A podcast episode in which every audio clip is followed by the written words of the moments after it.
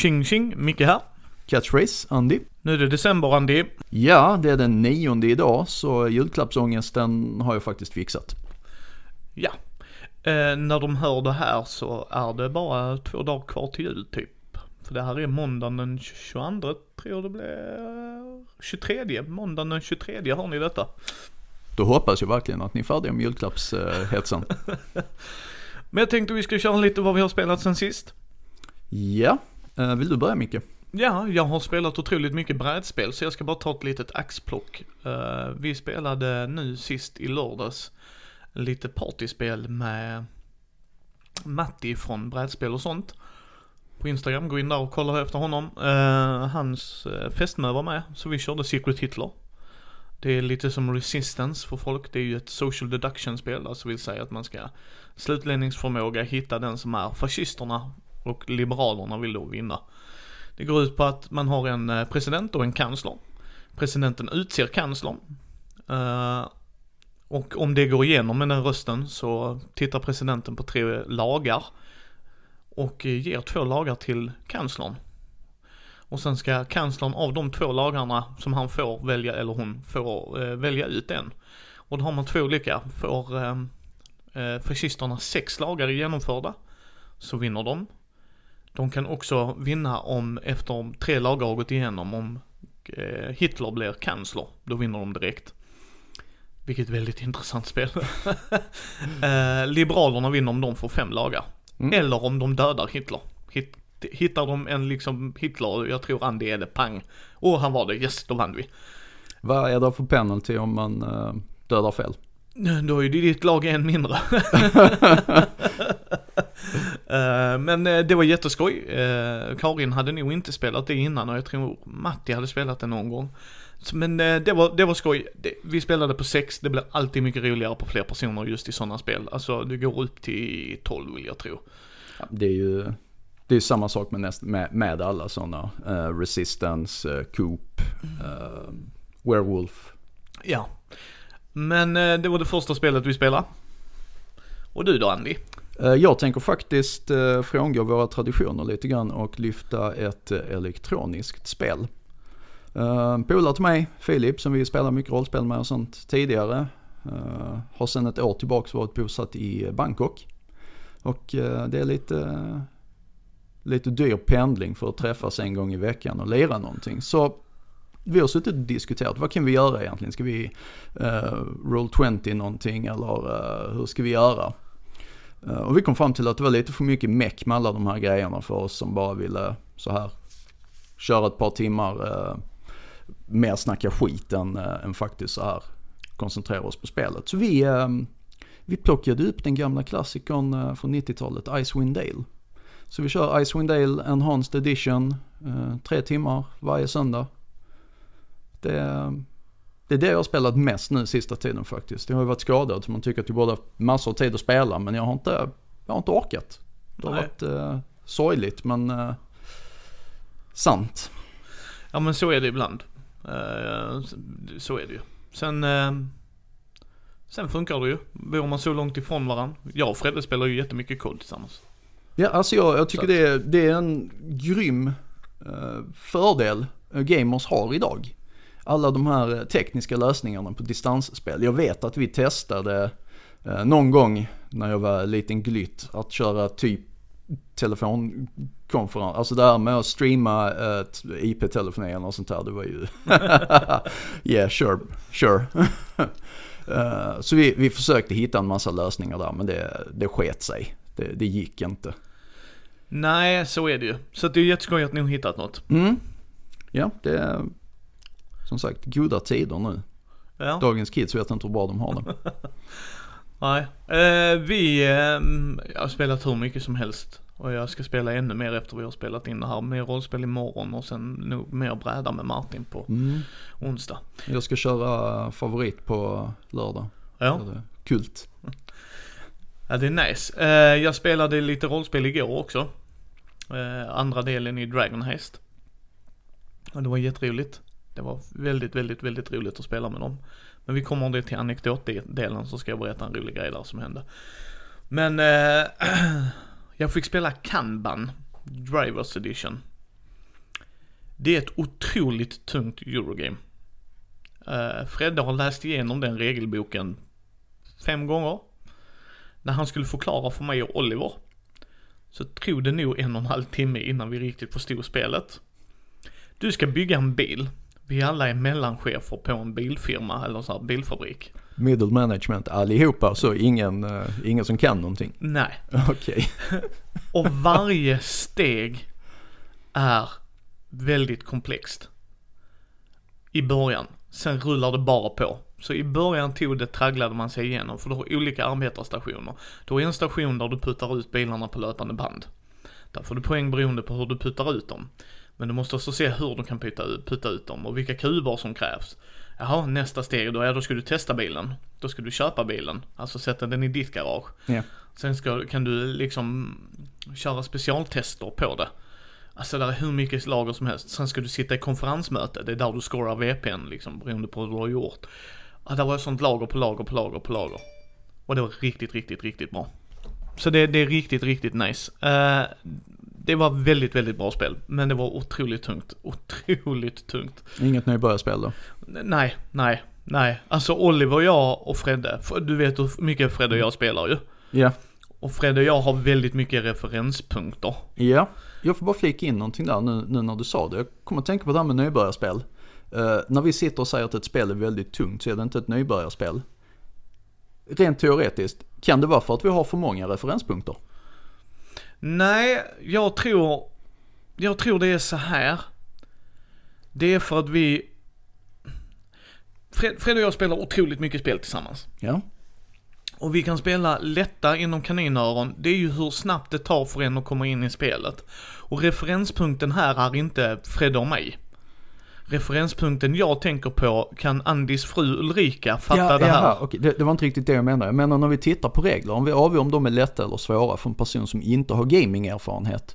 Är det så att vi erfarna gamers kopplar det vi läser till andra spel vi har spelat och någonstans undrar om du vet, kanske blandar ihop eller bastardiserar reglerna. Ä- Inte blandar ihop, men du, du förstår vad jag menar va? Vi, vi kanske rör till det i huvudet för att vi kan för mycket. Nej, nej det skulle jag inte säga. Det skulle jag inte säga. Min referenspunkt, när, när Fredde går igenom ett spel, och det här är ju självklart individbaserat så att det skriker om det. Men säger han till mig, det här är som deckbuilding. Då fattar jag vad han menar. Ja. Jag kör på kort, lägger in det i leken. Vi spelar Great Western Trail Ja. till exempel. Där har du deckbuilding som är en av mekanikerna. Vad jag var tvungen att kolla upp bara, det var hur de gjorde med deckbuildingen. För nu finns det ju inte bara deckbuilding att du blandar din lek och sen är det som Dominion. Nej. Det, det är den vanligaste. Har Eller, ja. Men det, det är ju den vanligaste. Sen är det ju andra som gör avarter, men det vanligaste är ju att du lägger din skräphög när du inte kan dra kort mer så blandar du om. Ja. Dock så är det Eurogames där du bara vänder den upp och ner. Så det första kortet du spelar är det första kortet du kommer dra sen, beroende på hur du äh, liksom får kort och lägger dem i din skräphög är hur du drar dem. Okej. Ja. Så, så den biten var jag tvungen att kolla, den var jag jättenoga med när jag kollade reglerna. Okej, okej, okej. Hur gör de med skräphögen? Jaha, det är här som en vanlig däckbilder sa jag då. Det här Ja. är en vanlig däckbildermekanik. Och så tittade Matti på mig, vad menar du? Så drog jag den här och han bara, ah okej, ja men det var bra. Ja, för jag har spelat tillräckligt många spel för att, nej nej nej Andy, blanda inte den för guds skull. Ja. Eh, Men det är ju hur jag gör, men absolut, det kan ju vara att det blir rörigt. Men när jag menar att det är tungt och komplext, då är det där det är lager på lager på lager på lager, att varje grej har med en annan sak att göra. För min del. Så i det här eh, kanban, du behövde vara på alla positionerna i någon del, alltså du var verkligen tvungen att tänka. Om jag går dit så kan jag göra så. Och tack vare att jag gör så, så kan jag gå dit nästa gång.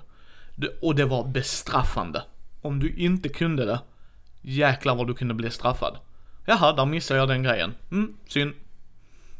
Så min referenspunkt när jag säger tungt, det kan vara rätt bra förtydligande. Det är om Andis fru eller min fru kan förstå det ganska enkelt när vi väljer att förklara det. Och i det här fallet, där är inte en fet chans i helvete att jag hade fått Ulrika att spela det här spelet. Bara på grund av hur lång tid det hade tagit för mig att förklara allting. Sen om hon hade sett oss spela det, du vet bara suttit bredvid ja, oss. precis. Då kanske det är annorlunda. För då ser hon hur det kommer igång. Alltså du vet, hon sitter och bara tittar när du och jag spelar. Absolut, det är ju inte så komplext att man inte kan liksom, men att förklara det. Fredde sa flera hela gånger bara, häng med grabbar, häng med mig snälla liksom. Mm. Förstå vad jag menar. Så att, men det var, det var tungt. Men fy fan vad bra det var. Fy fan vad jag och Fredde gillade. Men Fredde sa det också. Var det värt all tid det tog? Vi får spela det mer Micke, annars var det inte det. Nej. Men det, det är en bra poäng. Vad är för tungt? Liksom hur, hur gör vi referenspunkten? För jag menar, spelar du bara 18xx-spel Ja. så, så tror jag inte du tycker många av spelen är tunga kanske för att du har suttit så djupt i dem kanske. Och sen är det, alltså det är ju så extremt individuellt. Ett spel med väldigt tunga komplexa regler kan bli ännu tråkigare, eller svårare får vi säga, om tematiken är otilltalande. I alla fall för mig, alltså om det, om det verkligen fångar mitt intresse och det blir roligt att sätta sig in i reglerna, då, då är det lättare. Roliga saker är lättare än tråkiga saker. Så, så är det ju. Och jag och Fredde var ju intresserade av att spela spelet så det gjorde nog en del. Mm. Men, ja. Ja, nej, nej det håller jag med om. Sen, ja, sen har vi spelat Fortnite Ultimate Werewolf, vi har spelat, och det är ju också social deduction, man får en roll, man lyssnar på en app som spelar, eh, sen har man fem minuter på sig att hitta varulven. Det är ju en snabbad version av Werewolf, eller Mm. Mafia. Eh, sen körde vi Dixit, det har vi pratat om. Ja, det är ju fantastiskt. Mm. Så vi körde en del sådana partyspel. Så nej, det är vad jag har spelat och sen har det blivit Dungeons and Dragons, mer Dungeons and Dragons och någonstans där i hittade jag mer Dungeons and Dragons. Men snart, snart ska vi köra MUTANT undergångens arvtagare. Ja, tack. Och sen ska vi köra Road Trader där eh, Ja. han spelleder Martin. Och sen eh, ska vi nog gå på västern efter det så att jag kommer nog fasas ut lite ur Dungeons and Dragons. Vilket jag känner mig rätt mätt på. Ja. Nej men det, det är roligt med människorna jag spelar. Det är inget snack om det. Och eh, jag har en grupp jag åker till Ängelholm och spelar med. Ja. Som jag tyvärr missar idag, men det, det är så det är ju. Eh, och det är jätteroligt att spela med dem. Så spelar jag bara Dungeons and Dragons med dem så tror jag det kommer liksom, okej men det här, det här är kul igen på ett annat sätt. Alltså det blir ju så att kör du bara en grej för länge så man, man blir mätt som du säger. Ja.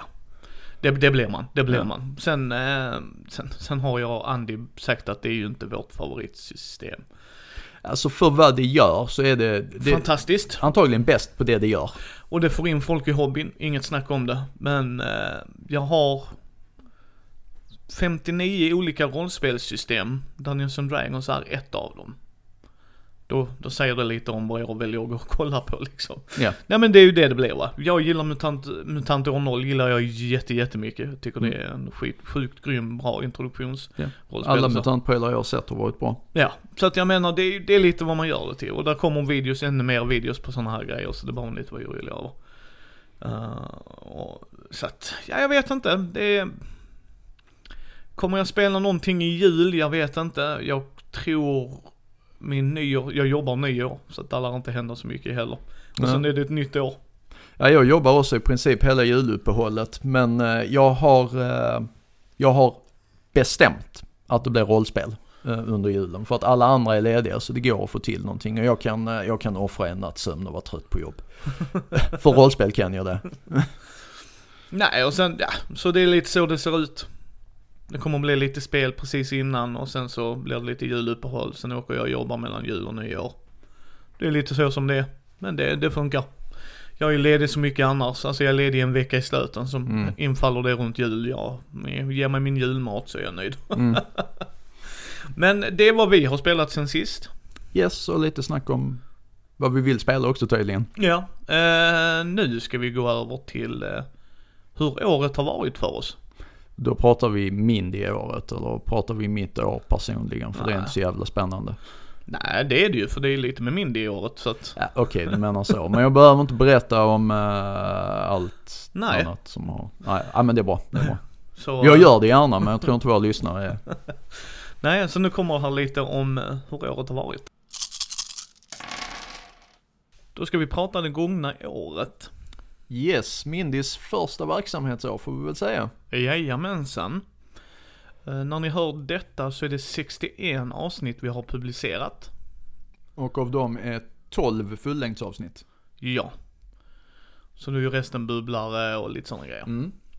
Uh, bubblarkonceptet var jättebra att, du, att vi, vi kom på faktiskt. Ja, jag, jag gillar bubblarna av olika anledningar. Och sen är där åtta, nio nyhetsavsnitt också i det här. Mm, precis, det är också en, eh, en ny grej i situationstecken vi, vi knäckte efter vägen.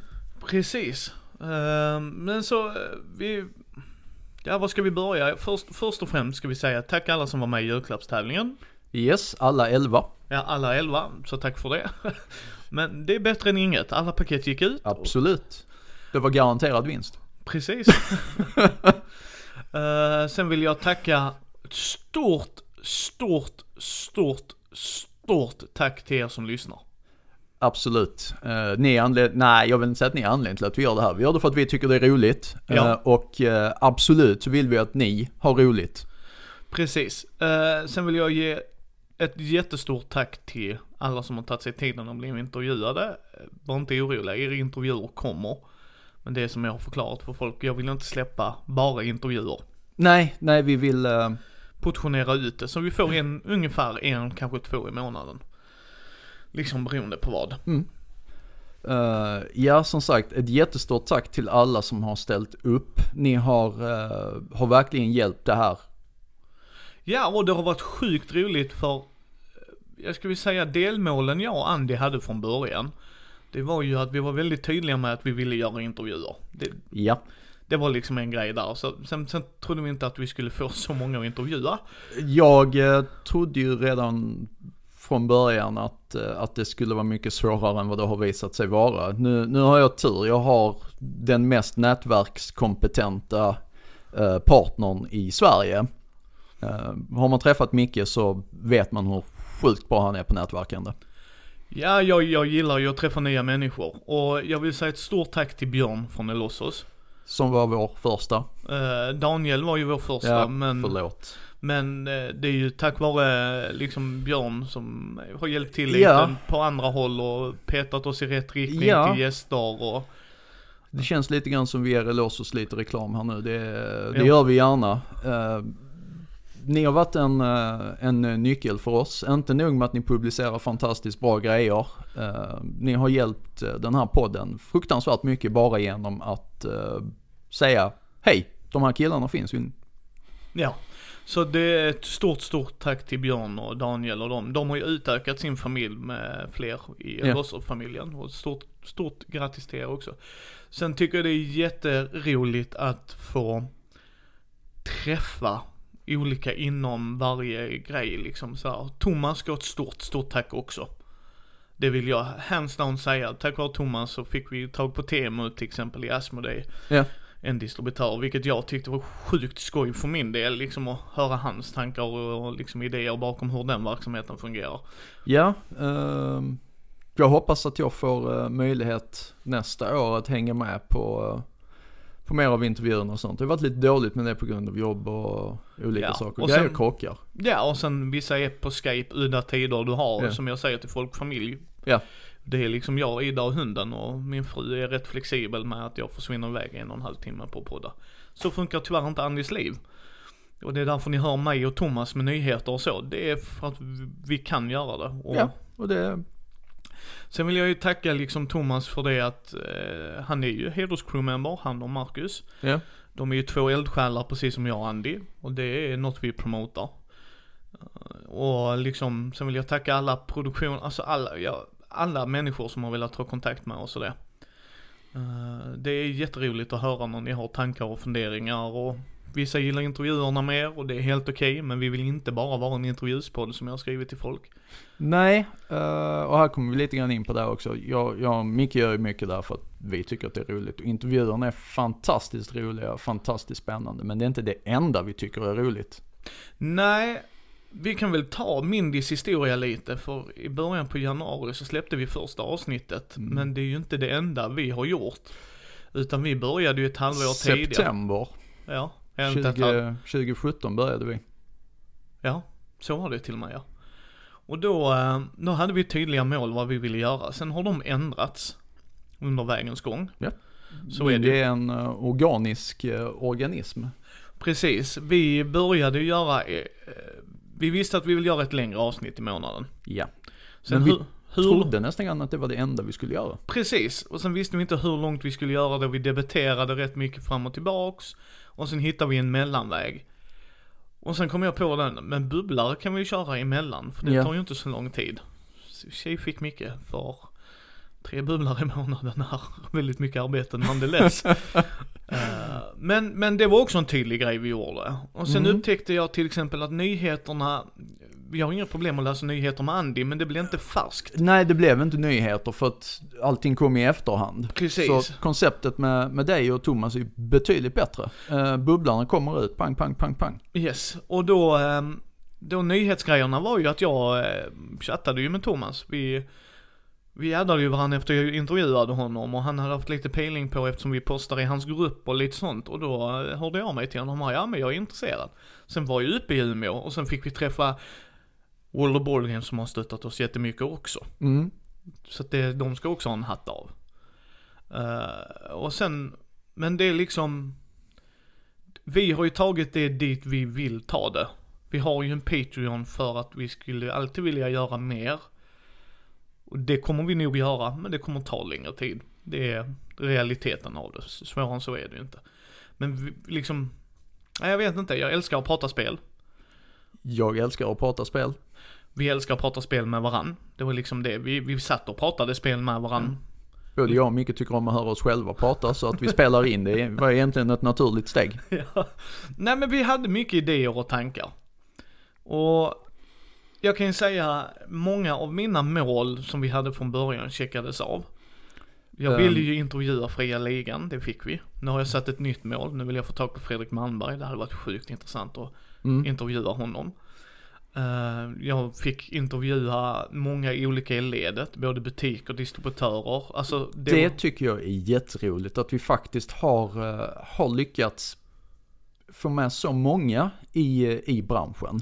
Inte bara en designer eller en eh, producent eller publicist här, utan vi, vi har verkligen lyckats eh, rätta, rätta mig om, om eh, jag har fel, men jag, jag tror att vi täcker in hela industrin och det är fantastiskt roligt. Det var, det var inte vår mening från början. Att vi skulle bli, bli så fokuserade på den biten. Nej, vi visste att vi ville göra det. Ja, ett par intervjuer, men vi trodde inte att det skulle bli så stort. Nej, och jag har, vad är det, 12 intervjuer i pipelinen, så jag har hela nästa år. Ja.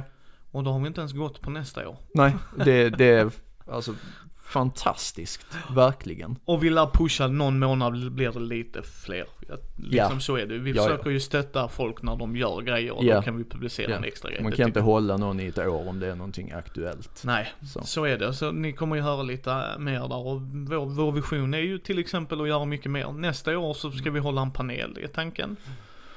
Ja, Mm. det, det kommer bli spännande.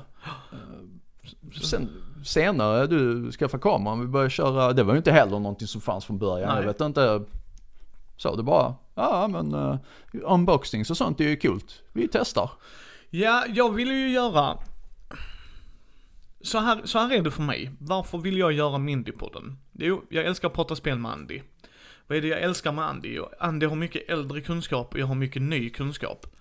Jag kan mycket nya grejer och ibland kan Andy det också men du har ju... Vä- vä- vä- vä- Vänta nu här, kallar du mig gammal? Nej, jag Ska säger vi ta det utanför? du har äldre kunskap.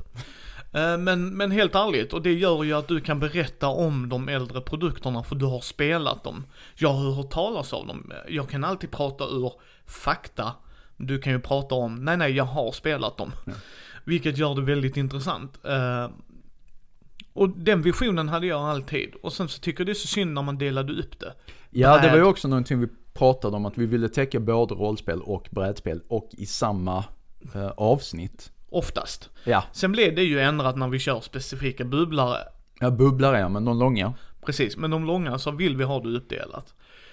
Och det var en vision jag hade från början, för att det var inget som täckte det, det var antingen eller. Mm, och det har vi precis. fått höra från vissa, varför kör ni inte antingen eller? Bara, men det behöver vi inte. Nej, och vi är inte antingen eller. Jag och Micke är båda delarna, så varför ska vi... Eh, varför ska vi exkludera det ena? Ja, och vi har fått folk som har frågat oss, är det för sent att börja med brädspel? Nej. Är det för sent att börja med rollspel? Nej. Det är inte det. Hitta det du vill göra och vi proklamerar ju det jättehårt. Så länge ni har kul, kör på. Precis, you be you. Precis. Så det, där hade vi ju en tydlig vision. Men sen så kollade jag, hmm, finns det videos på vad man får när man köper ett rollspel? Och Thomas gör videos på brädspel. Så det vill jag inte göra. Han gör ett bra jobb redan Mm. och varför ska jag liksom, nej nej, då kan Thomas göra Thomas. Utan då vill jag göra om rollspel. Så upptäckte jag när jag gjorde första videon där som tog jättelång tid att filma och redigera. Det var inte riktigt det jag ville göra. Nej, nu har vi provat det, det är ute i etern. Då gjorde jag Mindys första intryck när jag först går igenom, det här är vad vi ska titta på, häng med till bordet och sen kollar vi vad vi får i boken. Mm. För att det är det jag vill visa folk, det här får du i boken. Jag går igenom lite hur reglerna fungerar och sen så kör vi liksom, det här är vad du får. Och det är sjukt, sjukt roligt tycker jag. För att det är ju vissa som undrar, ska jag köpa den här grejen? Nej det ska jag nog inte för den ger mig inte det jag behöver. Nej men bra, då har vi kunnat hjälpa dig. Eller ja, skitbra. Sen kan jag ju säga att vi går igenom det jag tycker är kul och intressant just nu. Ja, och det självklart. Eh, Precis, men så är det ju. Jag går igenom mina spel och Mm. tycker folk att jag är för, ja men han gillar MUTANT jättemycket. För jag gillar MUTANT jättemycket. Och jag börjar med de grejerna jag gillar. Mm. Sen kan jag kritisera grejer, men jag har aldrig förstått hatgrejen. Om någon ger mig ett recensionsex, Mm. då kommer ni få höra min fulla ärliga Yes. mening och det gör ni i normala fall också. Men jag tar inte upp grejer jag inte tycker är kul. För att det är ingen poäng för mig att sprida hat. Nej, och om vi från början vet om att det här intresserar inte oss. Vi kommer inte ha jättemycket positivt att säga. Eh, Då blir det inte roligt för oss att spela in det heller. Nej, sen kan ni alltid fråga oss om feedback. Vi ger feedback i spel vi spelar. Och vi tar absolut upp de ämnen vi kan eh, som ni föreslår. Ja.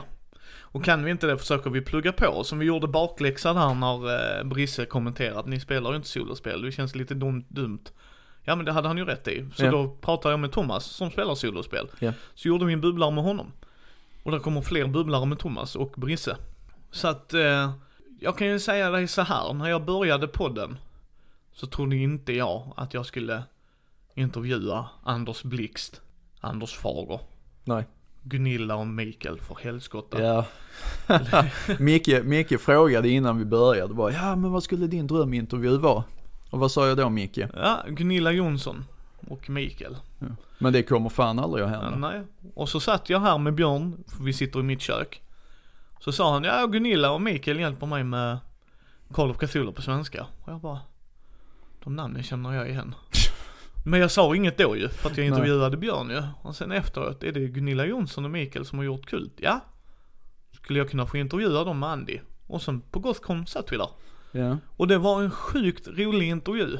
De är ju supersköna individer överlag så det är inget snack om Yes. det. Eh, Och Anders Blixt var också jättetrevlig och Anders Blixt var jätterolig när jag träffade han på Comic Con. Mm. Och eh, fick träffa Mikael och Gunilla där igen. Jag fick träffa Mikael och Gunilla när jag var i Stockholm och vi satt och pratade rollspel och lite annat. Och det var liksom inget podd utan det var bara två, Ja, bara, två härliga individer att prata med. Jag fick träffa Gabby, vilket var sjukt skoj. Eh, så vi får lite så här inkludering från många olika håll. Hon håller ju på med queernördar och ja. föreläsningar och sådana. Anna från före detta förbundsordförande i Sverok tyckte vi också är sånt intressant. Någon som, det är ju någonting vi försöker att verkligen göra också. Ett, ett utav syftena eh, med den här podden för min del var ju att sprida och få folk intresserade av, ja men det är det ju mitt också. ja, För att det är som Andy och jag säger att vi spelar inte spel med alla. Vi spelar inte alla spel, det är inte det vi pratar om. Vi pratar om liksom inkludera människor. Det är jättekul att du spelar rollspel. Ja, jag spelar bara MUTANT. Okej, det gör ju inte bara Andy och jag, men det är Nej. jättekul att ni gör det. ja, Spelar ni MUTANT i 28 år, gör det för guds skull, det är skitskoj. För du har någonting och det är lite där vi börjar liksom. 60 avsnitt. Det är mycket timmar med redigering där är grejer som har försvunnit i redigering. ja. Kommer du ihåg när strömmen gick? Yes. Åh då, vi, då, då hade vi zoomen som backup. Eh, vi har provat utrustningar. Vi, eh, nästa år kommer jag, Andy i den mån han kan, men jag kommer åka på Call of Cthulhu-konventet. Försöka live-rapportera så mycket som möjligt där. Har vi riktigt tur kanske vi får intervjua folk. Jag kommer att åka på Gothcon. Den åker jag alltid på och den här gången kommer vi ha liveshow om allting går väl. Mm. Då vill vi gärna att ni dyker upp där också, Mm. men samtidigt så vill jag gå runt och intervjua människor på Gothcon, liksom olika förlag och se hur det har gått och kanske personalen och det. Vi vill som sagt ge en helhetsbild. Yes. Sen två veckor efter det, och det här infaller inom sex veckors perioder, så blir det, eh, Lincoln? nej, Nej. det är Tabletop Gaming Expo Stockholm. Ja. Då kommer jag hålla panel där första Ja, gången. precis. Den. Ja, det kommer bli jätteintressant. Och sen, sen är det väl tre, fyra veckor efter det så ska jag upp till Norrsken i Skellefteå. Men då Mm. kommer jag hänga med Måns och de grabbarna där. Eh, och sen, då var det liksom Daniel som frågade mig, du tar extra semester, jag vill gärna att du kommer hem till mig och Jenny så vi kan spela brädspel. Och jag bara, ja men det kan vi nog lösa. Och det, det ska bli jätteskoj. Ja. Det är liksom, och det är varför gör vi det här? Ju för att sprida hobbyn. Vi vill att ni ska känna er välkomna. Ska visa på allting som finns. Det, det finns någonting för alla Precis. i, i spelhobbyn. Så framförallt vill jag tacka er lyssnare. Jag kan inte understryka det här nog. Även om Andy och jag hade tuffat på. Så är det ju roligt när andra lyssnar och kommenterar och, Alltså det sparar ju verkligen. Yes. Eh, Så mycket energi man får. Alltså, vi, vi var helt inställda på att göra de här avsnitten ganska mycket för, för vår egen skull. Precis. Men när man sen ser, alltså lyssnarstatistiken och så bara, är det någon som är intresserad av vad vi har att säga? Ja, och det, ni behöver aldrig hålla med oss. Absolut vi, inte. En grej Andy och jag var jättetydliga med också är att vi vill att sporra folk att prata om det med sina grupper. Vad tycker ni är roliga mekaniker? Vår vision är ju någonstans att man kommer till sin spelgrupp. Jag lyssnade på Mindy här. Andy han var helt dum i huvudet och Micke också. För jag tycker så här. Och så här. Och så, så pratar man av sig och så kanske någon kommer fast jag tror Micke har en poäng kanske. Alltså, Mm. det, eller så är det så här, jag håller med dem och de, någon i din grupp bara, fast det gör inte jag. vi vill sporra er att samtala om det. Vad är det ni tycker är kul? Vad är roligt? Vad, vad för tips kan vi ge er?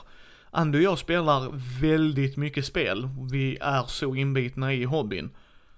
Alltså det, det är helt, alltså det, det skulle inte ens kunna beskriva Vissa människor kanske säger att de spelar brädspel som en hobby. Jag spelar brädspel och rollspel som en livsstil. Förstår du hur jag tänker? Alltså ja, ja, ja, det- det- jag, jag känner det. Jag, Ja. jag vet precis vad du menar. Tar du ut den delen av mig så har du inte mycket. Hade du inte behövt jobba så hade du kört en hobbyverksamhet med, med gaming. Absolut. Ja. Och det är det, vi vill sprida hobbyn. Spel är för alla som vill spela. Sen kanske det inte är folk som vill spela, det är okej. Men vi ska inte exkludera folk, vi ska inkludera folk. Så att det är hur fantastiskt som helst, det är hur roligt som helst att bara ge tillbaks. Det är därför vi har tävlingar. Vi har inte tävlingar för att ni måste gilla oss och det, vi har tävlingar för att vi vill ge tillbaks. Det är det det handlar om. Det har ingenting annat med och hoppas vi får fler likes på Facebook. Nej, det är ju lite tanken att ni måste gilla oss på Facebook för att vi vill ju nå ut och Facebook fungerar ju det. Ju fler som gillar oss, ju fler ser det. Precis. Det är samma sak att därför vill vi att ni ger oss betyg på iTunes. Det är inte för att ni måste ge oss bäst betyg. Men ju mer betyg vi får, ju fler kanske kommer in på det för att de dyker upp. Det är ju det det handlar om, vi vill bara sprida hobbyn. Så, så träffar ni oss någonstans, även om ni skulle vara i Helsingborg eller Landskrona och känner igen våra röster. Säg hej. Ja, precis. Då vet vi att vi, eh, Ja, att vi ni, gör någonting rätt. ja men möter ni oss på konvent, säg hej. Tveka aldrig, vi har Mindy-tröjorna på oss som en anledning. Spelar ingen roll om jag står och pratar med någon, kom gärna förbi och säg hej.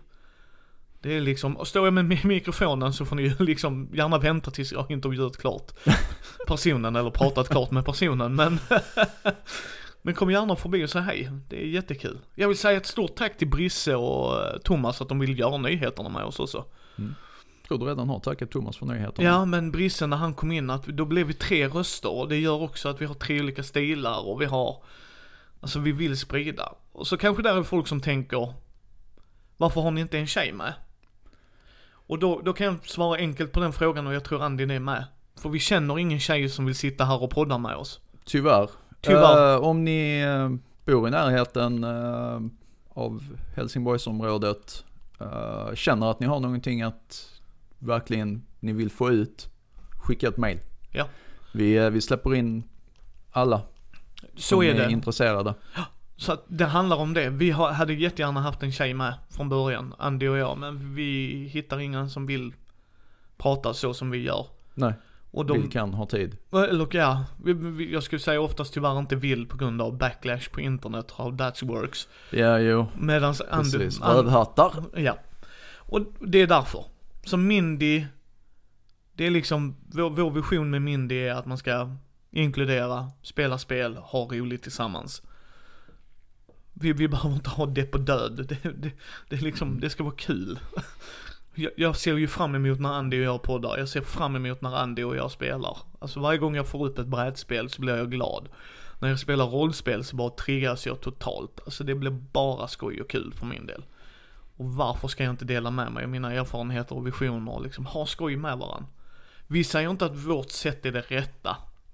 Det måste man komma ihåg. Det är ju inte det vi pratar om utan hittar du en nischad stil om du bara spelar OSR-rollspel och tycker det är jätteskoj. All heder till dig. Andy jag är inte på ditt tåg. Men vi, vi står där Jag vid... spelar gärna med dig, men det blir inget heltidsjobb. Men vi står vid rälsen och bara tjo tjo, kör på. Nej, så att eh, jag kan säga jag är väldigt glad över vilken riktning det har gått. Och tack återigen precis varenda en som har ställt upp på en intervju eller samarbete med oss. Till tävlingar och dylikt.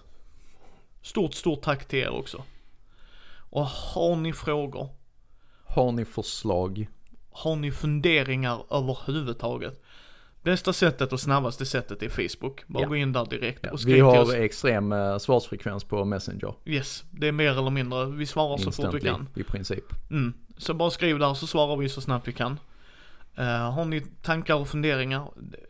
Ge gärna feedback. Vi förstår oftast att ljudet inte är optimalt. Vi jobbar så mycket som kan vi med det. Men grejer och utrustning kostar och då tar det längre tid innan vi får det. Vi har ingen eh, riktig studio. Nej, Uh, utan det här, det här är ju en hobbyverksamhet. precis. Så det blir hobbykvalitet. Ja. Men vi, vi strävar efter att göra så bra från oss som möjligt. Absolut, perfektion är en resa. Ja. Så tack, tack, tack alla er som hänger kvar här. Så eh, ska vi tuffa på ännu hårdare 2019. 2020 får jag be. 2020, precis. Ska bara se om ni var med alla där ute. Eh, ja, nej men eh, tack för året som har varit. Det här släpps den 23 december Ja. så jag passar på att säga god jul. God jul och gott nytt år vill vi säga här från Mindy.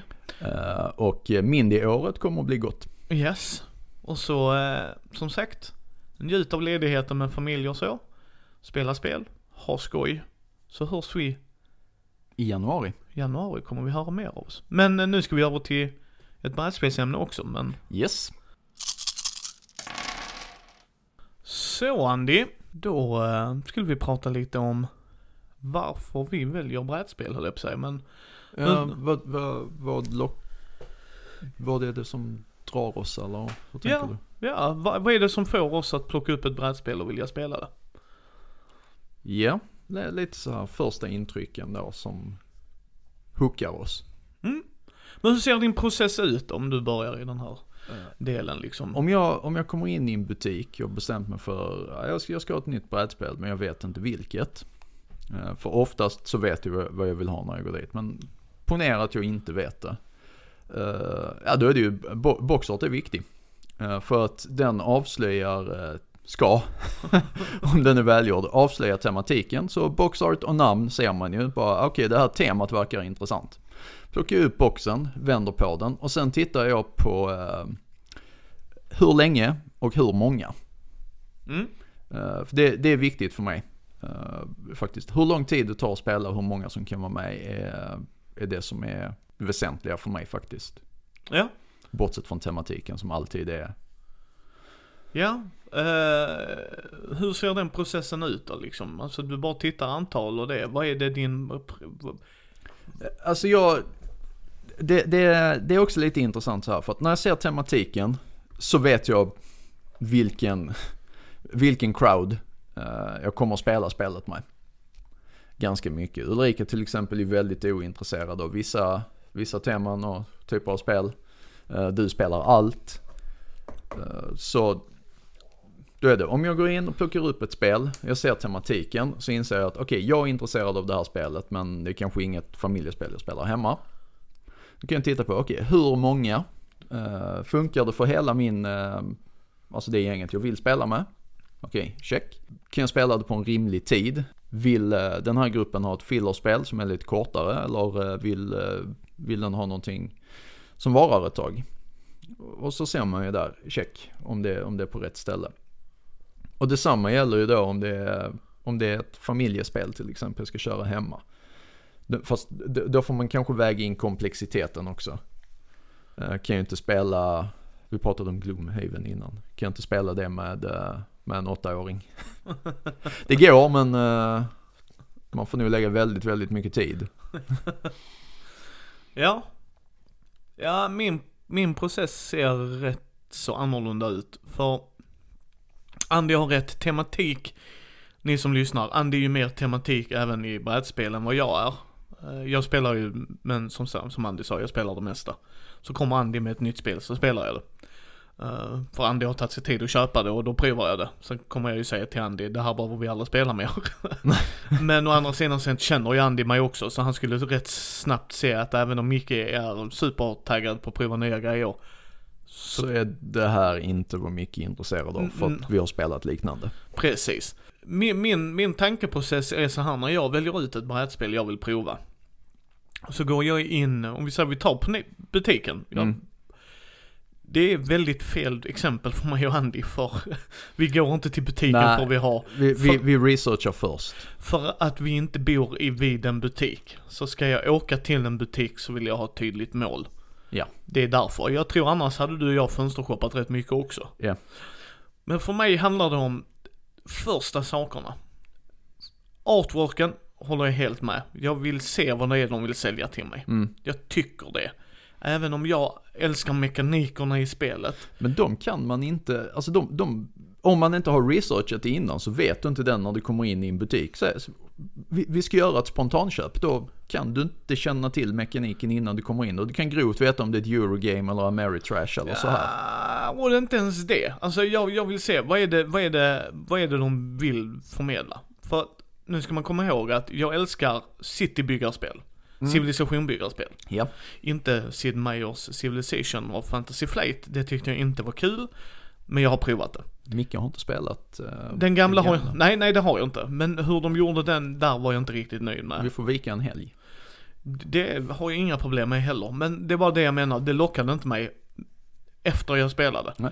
Men du, jag var intresserad när jag tittade på boxen. Oh, Ja. civilisationsbyggarspel. Jag har ju Mm. spelat Civ 5 i 900 timmar. Eh, eh, Men liksom, det lockar mig, det är kul, vi kan prova. Mm. Så det tittar jag på. Sen är jag ju en sucker för superhjältar. Ja, Eh, Så det är de temana, så jag håller med Andy även om jag älskar mekaniker. Har du ett Batman-spel stående så spelar det ingen roll vad du lägger runt om för jag kommer gå direkt mot Batman-spelet. Och ungefär halvvägs in så är Andy döv på andra örat för jag kommer stå och skrika på honom Batman! Andy Batman! Å andra sidan sett, hade han sett kult på andra sidan så hade han gjort mig döv på ena örat. Kult! Men liksom det är klart, temat för mig. Men sen är det ju också vad boxen vill ge mig. Så när jag tar upp boxen och tar ut den och tittar på den. Så spelarantal håller jag helt med Andy om. Det är också väldigt viktigt. Det måste kunna spelas på åtminstone två spelare. ja, För att det är Fredde jag spelar oftast med. ja. Och det är för att vi provar spelet. Mm. Ja, det här fungerar. Kan vi lära ut det? Ja, det kan vi. Bra, då kan vi bjuda in Andy. Mm. Vi kan bjuda in Ulrika. Nu är vi fyra par som Mm. spelar.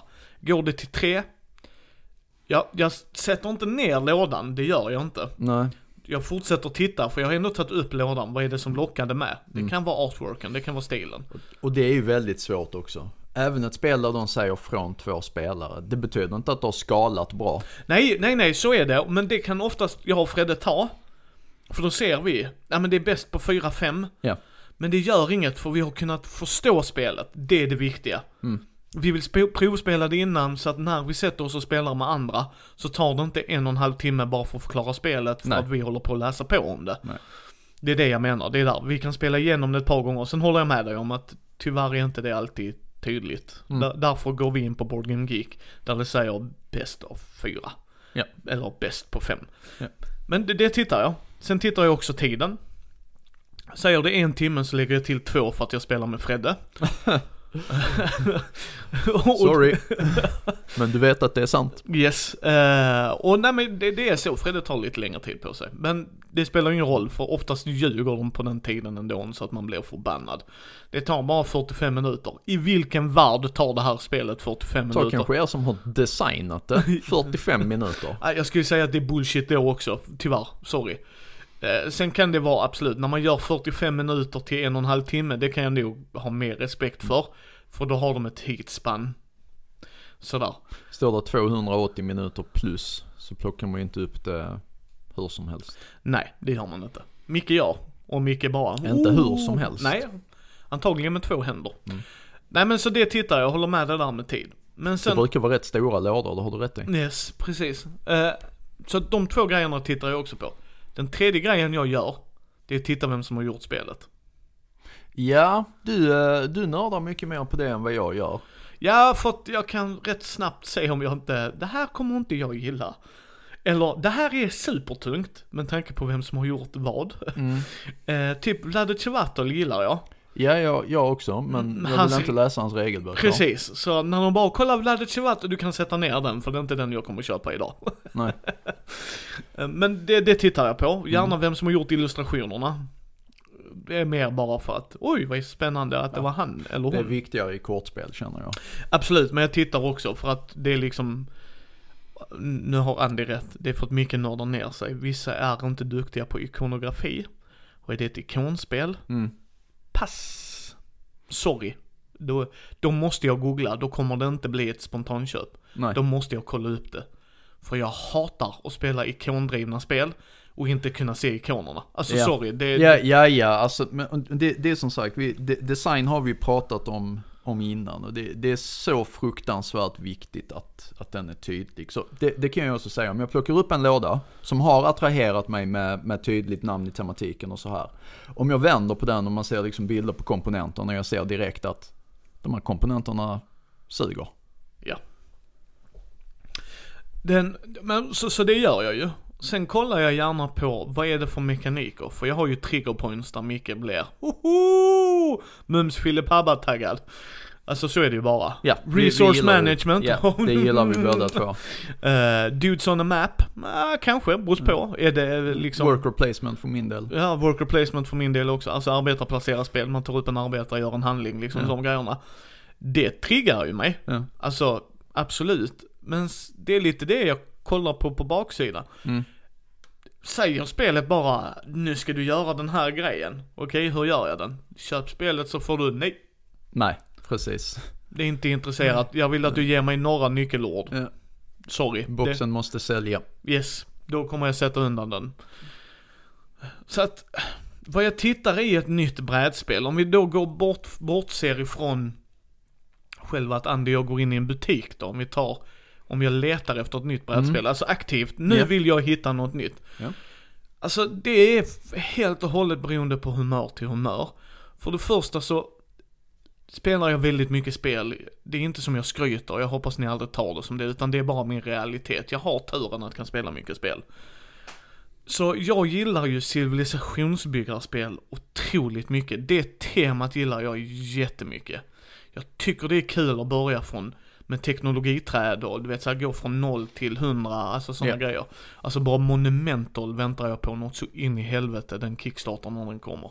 Den kommer i början på januari där någon gång.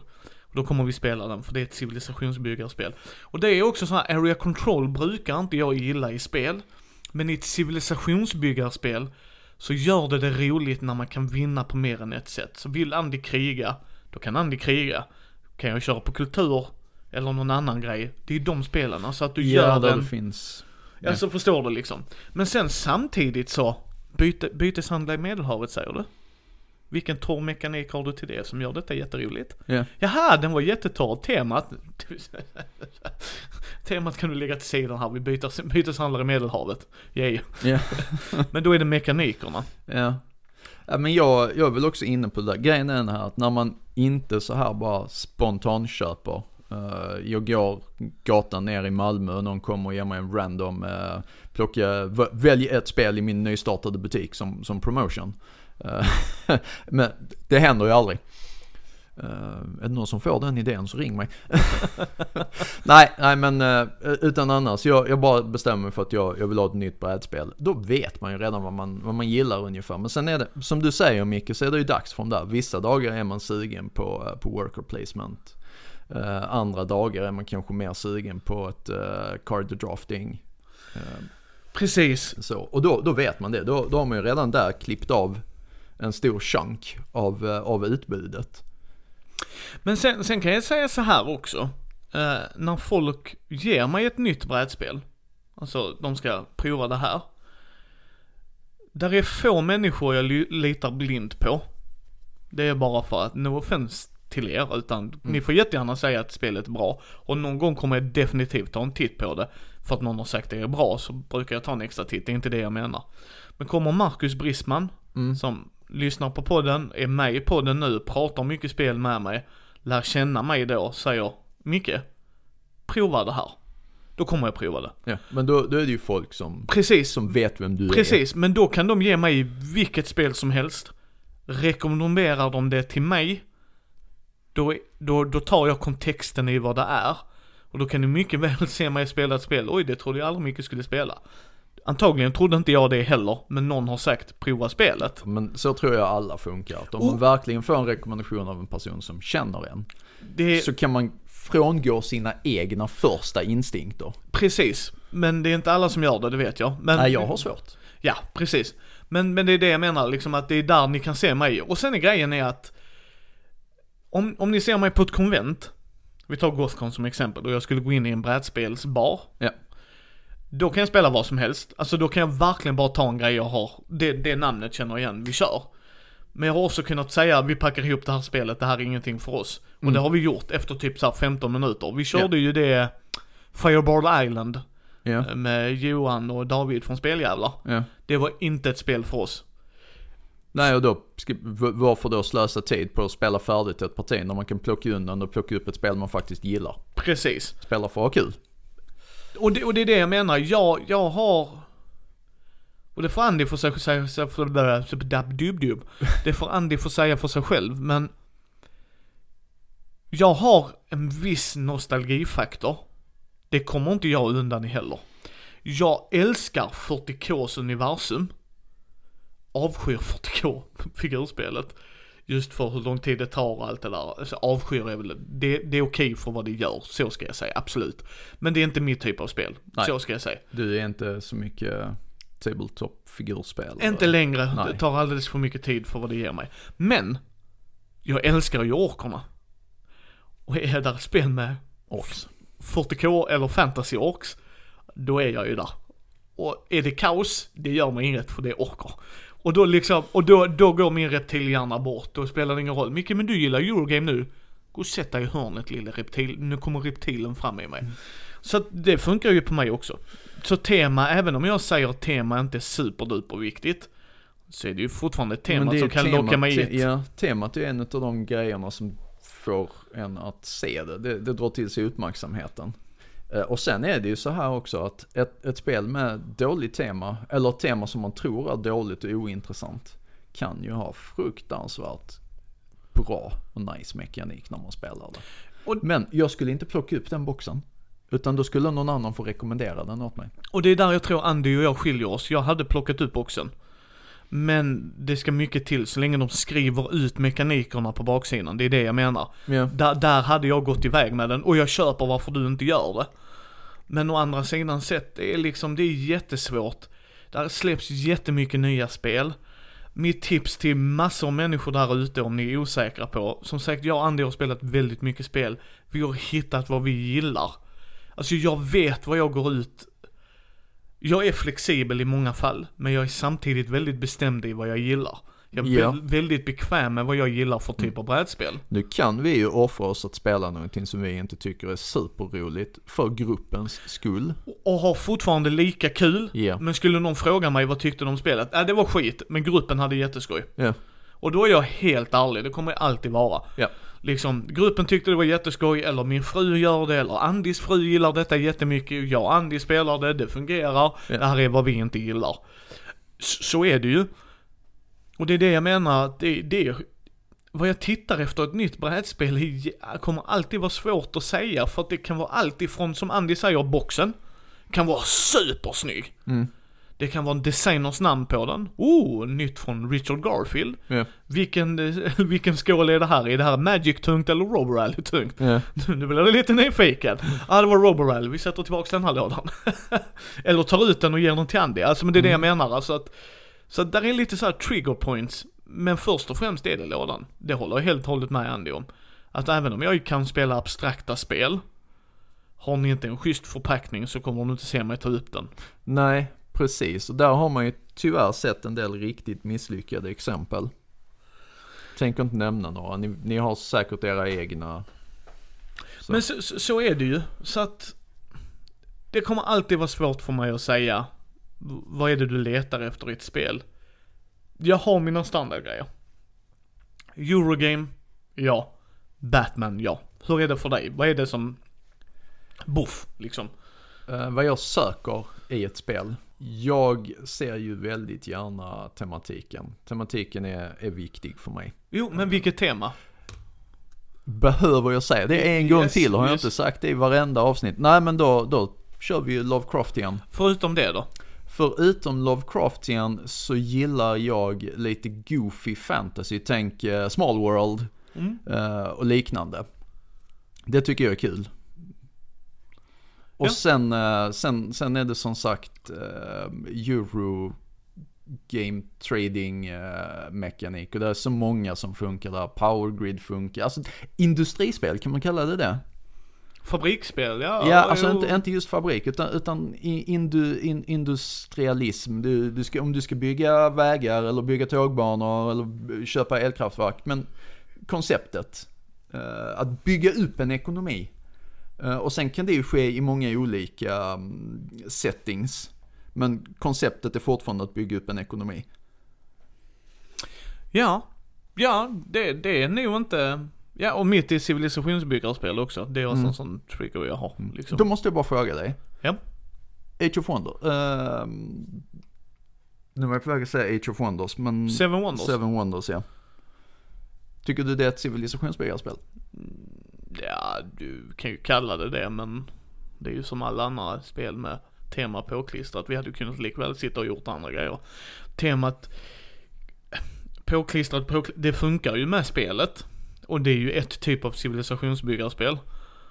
Men det är inte ett civilisationsbyggarspel egentligen. Nej, nej men det var, det, vi, vi är inne på samma sida där för en gångs skull. Liksom, det, det, temat, temat är ju civilisation. Du bygger ju upp en civilisation runt ditt wonder. Ja. Så är det Men ju. alla civilisationer är likadana, det är bara Wondert som skiljer sig. Då anser jag inte att det är ett civilisationsbyggarspel. Jag kan, jag kan väl ge dem att de kan kalla det, men det är ju inte ett typ av civilisationsbyggarspel jag vill spela, för jag vill ha ett med asymmetri. Ja. Visst, Wondersarna gör ju olika grejer när du bygger dem. Okej, och de kostar olika grejer, men jag vill ha det från starten. Alltså att om jag kör Rom, Mm. så ska jag ha mina specialförmågor, och är jag riktad in på krig, det är helt okej om jag är det. Och Andy kanske kör grekerna säger vi, och är mer inne på filosofiska Mm. grejer och kultur och Jag, jag måste bara fråga en grej här. Hur mycket blippspel har du köpt? Eller Eh, kört? Eh, blippspel har jag kört en del och jag kastar alltid dem rätt ut genom fönstret av den mycket enkla anledningen att jag har jättesvårt med att hantera blipparna. Och att kartorna är flimsiga jävla pappersdukar oftast. Alltså det är inga riktiga bräden. Jag förstår att de är bra, men jag kan inte sitta och hantera mina duttar. Och eftersom man oftast kör med dem upp och ner, eh, självklart skiljer det sig, nu stor pensel, jag målar med en stor pensel här. Så får jag ingen njutning av det för att jag vet inte vad mina grejer är. Så där vill jag ha tjocka Jag kartongsbitar. tror, du, jag tror du mest har kört Ja, GMT-spelen. ja det absolut, som. Ja. absolut. Det är mycket Det möjligt. finns andra blippspel. Ja, absolut, men de jag har spelat så blir jag bara irriterad. Inte för att mekaniken är dålig, utan att komponenterna är så flimsy. Så jag, jag får panik. Alltså jag kan inte hantera små grejer. Spelar vi ett Dexterity-spel med din Eldrik som är sju bast snart, ja han är åtta nu väl? Mm. Ja, åtta bast liksom. Ja, men det är Eldriks fördel i det här spelet. Farbror Micke och pappa ska ha klumpiga fingrar. Mm. Elrik kan vinna, det är okej. när Andy och jag sitter och spelar ett spel som tar x antal timmar. Och som man behöver pincett för att Precis, och nu, ja, precis, och nu anfaller jag Andy med uppenbarligen min sämsta armé för att den andra är på andra sidan världen. Yay! Och då blir jag inte mycket lycklig. Nej. Men annars, annars gillar jag dem. Alltså anledningen till att jag kom in, eh, kom in på det för att jag, jag skulle vilja köra Britannia med dig. jag, jag provar jättegärna. Och som sagt, det är inte det, men oftast har jag blivit frustrerad just på grund av den anledningen. Och det är inte för att mekanikerna är dåligt. Och, och jag förstår varför de gör det, för GMT, som det kanske har varit, är ju inte det största. Även om de är kända så är de inte superstora i produktionssätt och dylikt. Nej men de är ju väldigt, de har en väldigt nischad publik. Men nu, vi kommer ifrån ämnet här, kan vi runda av? Jag tror vi kan runda av här ja. Ehm, jag är väldigt intresserad av att höra hur tänker ni när ni, eh, liksom har ni spontanköpt grejer och varför gjorde ni det? Mm. Liksom var det temat, var det boxen, var det tiden, var det player count? För det är mycket som Andy sa där. Jag behöver ett spel för fyra spelare som tar 30 minuter. Pong tjoff. Kan har du vi. nämna ett spel du har spontanköpt bara? Oj. Den var svår. Back in the day var det nog Munchkin. Mm.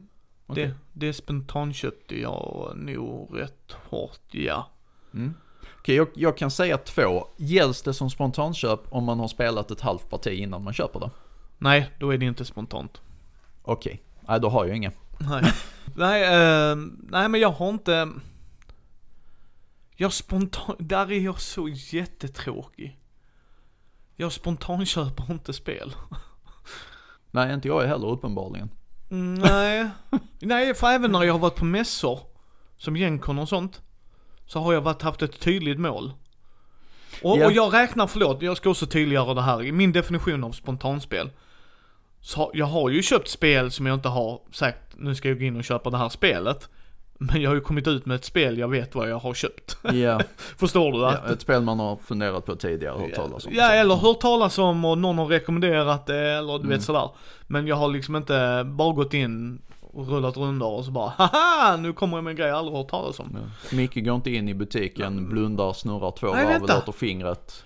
Ju Dark Overlord var en sån. Men det är ju ett genialiskt spel. Yes! Så det gör inget. nej, nej, det gör väl aldrig någonting om jag hade köpt ett dåligt spel spontant. Men, är Dark Overlord hade jag inte läst någonting om. Förutom då, alltså när jag stod där och kollade på boxen. Ja men det är samma som mig. Ja, ja alltså när du säger, jo, I Dark Overlord och eh, Citadels hade jag inte, utan jag, jag behövde helt enkelt de här få plats i, i väskan för jag skulle iväg på, eh, på slaget eller något sånt här med, Mm. med Sverok. Ja, så det är väl de. Vad är era spontanköp? Har ni varit nöjda med det? Jag har varit nöjda med mina hittills, vad jag minns i alla fall. Munchkins kanske inte spelar så mycket längre, men det gjorde att jag blev mibbare och träffade Björn och alla dem. Alltså så att jag menar. så, vad är era spontana spel? Hur ser er process ut när ni väljer spel? Det är också rätt intressant. Jag sitter här och nickar bara. Det, Ja, jag hoppas bra, att ni ser bra det. radio, bra Ni radio. kan höra det. Men då hoppar vi över till rollspelsdelen. Yes, nu tar det sig.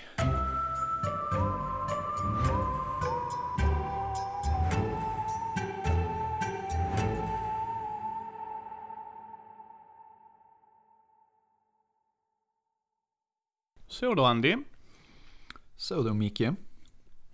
då ska vi prata om hur vi tänker när vi köper rollspel då. Ja, det pratade vi lite snabbt om bara du och jag.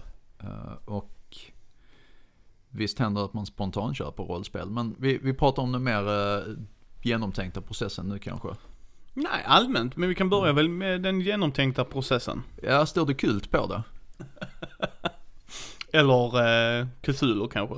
Eller, eller eh, Cthulhu ja. Står det något av de, något av de två? Eh, if yes, buy. Ja. Nej, men ni som har lyssnat på hela avsnittet har ju hört hur vi tänker runt brädspel. Mm. Min process när det köper rollspel ser lite annorlunda ut. Ehm, lite, inte mycket. Det, det är samma, lite princip för mig. Vem har gjort det och allt det där, Mm. självklart. Vilket, där är jag mycket mer vilket förlag också. Ja, precis. Det är väl det. Men för er som inte har lyssnat på den delen och hoppar hit. Eh, när jag går in i uh, sci-fi bokhandeln, uh, Playoteket, World of Board Games, Alpha-spel, Dragon Slayer, alla, alla sådana som Mm. har rollspel. Så går vi dit och kollar. Eh, där är ju omslaget otroligt viktigt. Ja, Det är även boxen på ett brädspel som vi pratar om, men i rollspel Ja. är den ännu viktigare. jag vill säga att omslag och titel måste passa ihop. För jag tänker det finns, ibland funkar en helt svart bok. Inga bilder, ingenting. Men då skulle jag ändå säga, hur är eh, titeln skriven? Då, då kommer jag faktiskt på det, Ja. det är fortfarande ett omslag även då. Ja. Liksom poppar det ut eller är det bara vanlig Times Normans, vad heter det, Time Romans? Uh, Times New Roman 12. Det är liksom, och så bara, yay, vad lockad jag blir av det här inte. Eh, Men det är om jag går in och spontanköper det. Eh, Eller inte spontant, när jag går in i en butik och bara strötittar. Mm. Eh, För mig är förlaget väldigt viktigt. mm, Jag har köpt allt Fria Ligan har mer eller mindre. Mm. För att jag gillar det de gör. Och då brukar jag gå in, men då, återigen, jag vet redan vad jag vill ha av dem Ja. och då, då har jag redan köpt det. Men skulle vi säga att jag skulle gå in och hitta, eh, liksom gå in och bara ta en random bok och kolla. mm, Liksom, jag tar en bok ur hyllan och här. Eh, då kollar jag om, är det ett eget system till att börja med? ja, För är det en supplement till ett system så köper jag nog inte det om jag inte redan har men systemet. om, om vi utgår från att det är nya system vi pratar om. Ja, vi säger att de, de har delat upp det bra Ja. så att det inte är blandat menar du? Ja men då, då tittar jag på, vad är det för typ av spel? Eh, vad är eh, titeln? Ja. Då är titeln väldigt viktigt. Vad säger titeln? Eh, jag vänder på den, läser liksom. Vad, vad säger spelet? Vad går det ut på? Vad är tematiken? Vad är motorn? Kan också vara väldigt bra att veta för Mm. det, liksom är det Apocalypse-motorn, Apocalypse World, Mm. eller är det ehm, Basic Role Playing, vad heter det, BPRD höll jag på Mm. att säga, men den Basic Role Playing System. Mm. Eh, ja okej. Då, då vet jag vad det är för motor, jag Mm. tittar, jag läser vidare. Eh, vad är det för tema? Det är väldigt viktigt. Jag menar jag har ett tema, jag har ett rollspel där inne jag ska göra en video på. Där du är en eh, mus som är med i ett motorcykelgäng. Neo Bunnies 2.0. Nej men liksom det är bara tematiken där bara. Ja, okej då. Eh, sen är pris väldigt viktigt i det läget också. Det är otroligt Ja, om man viktigt. går in och gör den typen av köp ja. Ja. Eh, och då brukar jag ta under 200-lappen. Mm. Är det mer än det, då står jag nästan och googlar i butiken. Ja, då behöver man mer research. Mm, ja. Det, och så gör jag inte med brädspel, för brädspel kan jag ändå läsa till mekanikerna. Worker placement, ja okej det är lite så här. Men just i rollspel är det bara tematik för mig. Det är få gånger jag tar ett, det kan ju finnas ett generiskt system som Mm. säger att det är generiskt. Då köper jag nog den bara för att, hmm, jag har redan fyra generiska system. Nu, you piqued my interest. Mm. Vad gör ni annorlunda?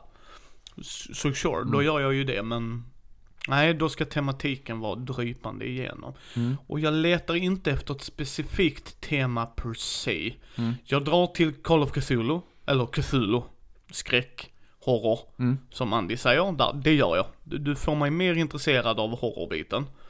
Men det kan lika bra vara möss som kör motorcyklar. Mm. Eh, Ja, uh, tänker på mig då. Det är som sagt tematiken är, är det som avgör. För vad det gäller regelsystem eller så här, när man har hållit på så pass länge som jag och Micke har gjort eh, och kört så pass många olika system. Så, eh, Traditionella system kan vi ju erkänna. Vi är inte så mycket på indie eller USR-sidan kanske. nej inte jättemycket. Nej, Eh, alltså vi förlåt. jobbar på det. Ja, absolut. Jag Ja. vill bara flika in där. Ja, Vi har spelat väldigt mycket traditionella rollspel. ja. Så det var, jag vill bara flika in, förlåt Ja. Andy. Men, Nej, men det är, det är en viktig distinktion, så absolut. Mm. Eh, när man har hållit på så pass länge som vi gör så eh, kommer man lite grann in på det där att eh, eh, it's more like guidelines. Eh, och så är det ju som sagt, varken jag eller Micke är särskilt mycket till rullspelare, utan vi är ju rollspelare. Och då, då blir mekaniken inte heller lika viktig. Nej, vissa spel är mekaniken mer framhävd. Mm. Jag är mer rules as written i Call of Cthulhu Ja. än vad jag är i Dungeons and Dragons. Mm. Det är bara för att jag gillar D100-systemet. Mm. betydligt mycket mer än vad jag gillar D20-systemet Ja. i eh, Dungeons and Dragons. Och där måste jag ju säga en grej också. Det, det är som sagt, jag har hållit på med det här i, i 30 år med rollspel. Och jag har testat så många olika saker. Eh, att jag vet vad som funkar för mig. Idag så tror jag att folk skulle säga att jag homebrewade för mycket. Eh, jag upplever inte att jag gör det. Eh, för att vad jag har hamnat i idag är ett läge när jag skriver one-offs eller så här för min egen del. Så är det att, nej men eh, den här mekaniken eh, från just det här systemet funkar skitbra till detta och eh, den mekaniken från det systemet funkar bra till detta. Nu har jag köpt ett nytt spel med en häftig te- tematik här och jag ser att, nej men magireglerna här är lite, är lite sketchy. De är inte särskilt bra. Jag tycker magireglerna från äh, spel X är bättre. Ja, då använder jag dem. Fuck you liksom. Så, tough luck. Eh, jag använder vad jag tycker är bäst. Så att tematiken är absolut det som avgör. Ja, och det, ja, och jag skulle säga så här. Jag kan lockas in av mekaniken Ja. om den är tillräckligt annorlunda för att göra mig intresserad. Absolut, jag Vi- läser den. Ja, nej, nej, det är inte ens att läsa den menar jag. Du tar Dread och rollspelet. Ja. Skräck. Ja, Du löser, eh, ska jag säga, slumpfaktorn är eh, Jenga-torn. coolt. Ja. Så lyckas du göra Jenga-manövern Ja, så klarar du handlingen. okej. M- river du tornet, bad shit is happening. Ja. Det är ju mer eller mindre bara själva me- mekaniken som har gjort mig intresserad, så är det ju. Men sen Ja. är det skräck, absolut. Ja. Det, det ska jag också säga, det är ju en faktor i det. Ja. Men, där, det, men gott folk, det är också det enda exemplet jag kan ge. Så, här. så att om mekaniken är tillräckligt, ha, hmm, Ja, absolut. Men då, då, då, köper jag, då köper jag det för att mekaniken är ny och eh, Mm, precis. liksom så här tickles my interest. Inte för att jag tror att den är bra från början. Och då är det inte, Ja, Jag är, jag är mer placerad där, jag, precis som du säger. Mm. Jag tror inte att den är bra, jag tror inte den är bäst eller sämst. Jag går in, hö, nytt sätt att spela på, Ja. intressant. ja, intressant. Precis, Eh, alltså sen, sen kan jag gå ut därifrån, no. Ja, liksom, men, men det är ju en annan grej. Eh, Men det, det här är också så himla intressant för hur tittar du när du vi får spåra in lite på det på Mm. brädspelsdelen nu också. Vi får ta, så här, ni får ta den här biten också. När jag kollar brädspel, Mm. Då kollar jag videos. O- oavkortat videos. För jag vill se komponenterna, jag vill gärna se utförandet, allt sådär. Det är så jag gör min research. Jag kan läsa om ett brädspel också, absolut, det kan jag göra. Jag kan läsa lite reviews och så. Men jag vill gärna titta på det. Oftast för att jag ska få en regelförklaring. När det är rollspel är jag tvärtom. Jag vill hellre läsa recensioner då. Jag kollar gärna på första intryck-videos. Det, det, vi gör det själva så jag ska liksom inte säga att jag inte gör det. Men det är ju bara mer vad får jag i boken? Alltså, det, det tycker jag är jättebra. ja. Men jag läser också hellre det emellanåt. Alltså både liksom, där, där beroende på vilket rollspel det är menar jag. Vill jag ha ett första intryck, då läser jag först, då vill jag titta på ett första intryck. Jag Mm. vill se, vad är ert första intryck? Du kollar i boken, bläddrar, visar mig artworken, gå igenom det, gör jättegärna det. Men har någon spelat spelet, då vill jag hellre läsa recensionen de gör av spelet. För då går de verkligen in, har jag märkt. Det är liksom inte ett första intryck utan Nej. det här är aktivt vad jag tycker. Ja, och det, det problemet har jag med, med videos överhuvudtaget. Eh, för min del spelar det ingen roll om det är ett brädspel eller ett rollspel, jag läser hellre om det. Först och främst, vad tycker mina polare? Är det någon jag känner som rekommenderar det? Om inte, Ja, det, jag, kan jag jag, läser, ja men det här verkar intressant. det kan jag säga, jag lyssnar hellre på din podd. Det, Mm. det gör jag, oavkortat. Jag tycker Mm. sånt är jätteintressant att lyssna på. Eh, och det är ju någonting vi kommer gå igenom. Vi kommer göra bubblar lite då och då där vi tar upp lite tematik eller rollspelssystem och sådär. Men, men jag menar liksom, men där, där är jag väldigt, jag vet inte alltså för att hur jag tänker när jag går in och ska köpa ett rollspel. Jag tänker, precis som med brädspelsdelen, att jag går ytterst sällan in planlöst. Mm. Men det, det pratade vi lite grann om ny- nyss också, eh, eh, off cam eller så här.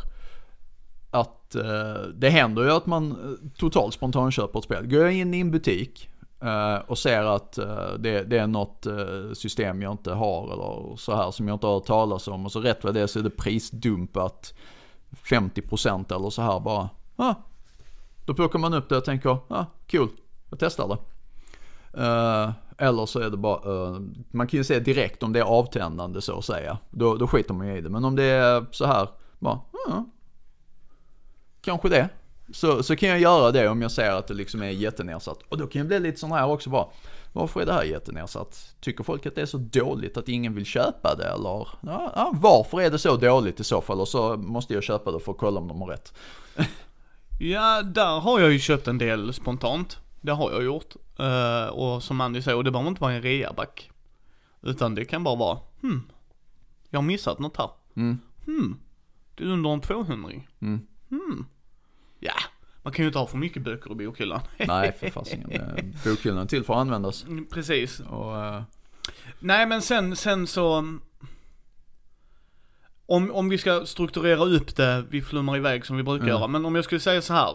Om jag aktivt letar efter ett nytt system, ja. då är det faktiskt så simpelt som, vad är det för tematik jag vill åt? Ja, För, för det är faktiskt det jag Ja. letar efter ja i så fall. absolut. Det, Och då kollar jag, vi säger att det är superhjältar. Nu har jag ett superhjälte-rollspel som jag kommer gå till och det är DC Universe Mutant Mm. Masterminds. Men om vi säger att jag inte hade haft det. Då, då kollar jag, vilka superhjältar finns det? mm, Okej, är det lätt att få tag på? Jag vill både ha pdf och bok. Pdf läser jag när jag är på jobb. Boken vill jag gärna ha vid bordet. Jag tycker om känslan att bläddra och dylikt. mm, Nej, det går inte det. Hmm, nu måste jag kolla. Ja, det är riktigt bra. Ja, då köper jag pdfen. mm, Då gör jag det. Och så läser man det. Okej, ja men det var bra, det var schysst. Ja men det var nice. Ja men okej, då funkar det liksom. Mm. Så min process är väldigt fokuserad som precis alla andra grejer jag köper. Jag går inte in i en slumpmässig butik och bara random köper grejer. För, för det första är vår hobby dyr. dyr. Ja men det kostar. Alltså, det, ko- det kostar ju. Alltså dy, dyr är ju alltid en Relativt. en relativ sak. men, men, Eh, men det är ändå en kostnad på det. Jag menar en bok kan kosta allt mellan 200 till 500 spänn. Ja, och mer. Och, och självklart mer, men det brukar ligga runt där skulle jag säga. Oftast runt 500 Ja, Sen är det ju klart där är limited edition och där är bla bla bla bla bla bla bla. Hur mycket som helst i olika faktorer. Men 500 spänn är fortfarande 500 spänn. mm, Och här är en grej när jag står inne i butiken och bläddrar.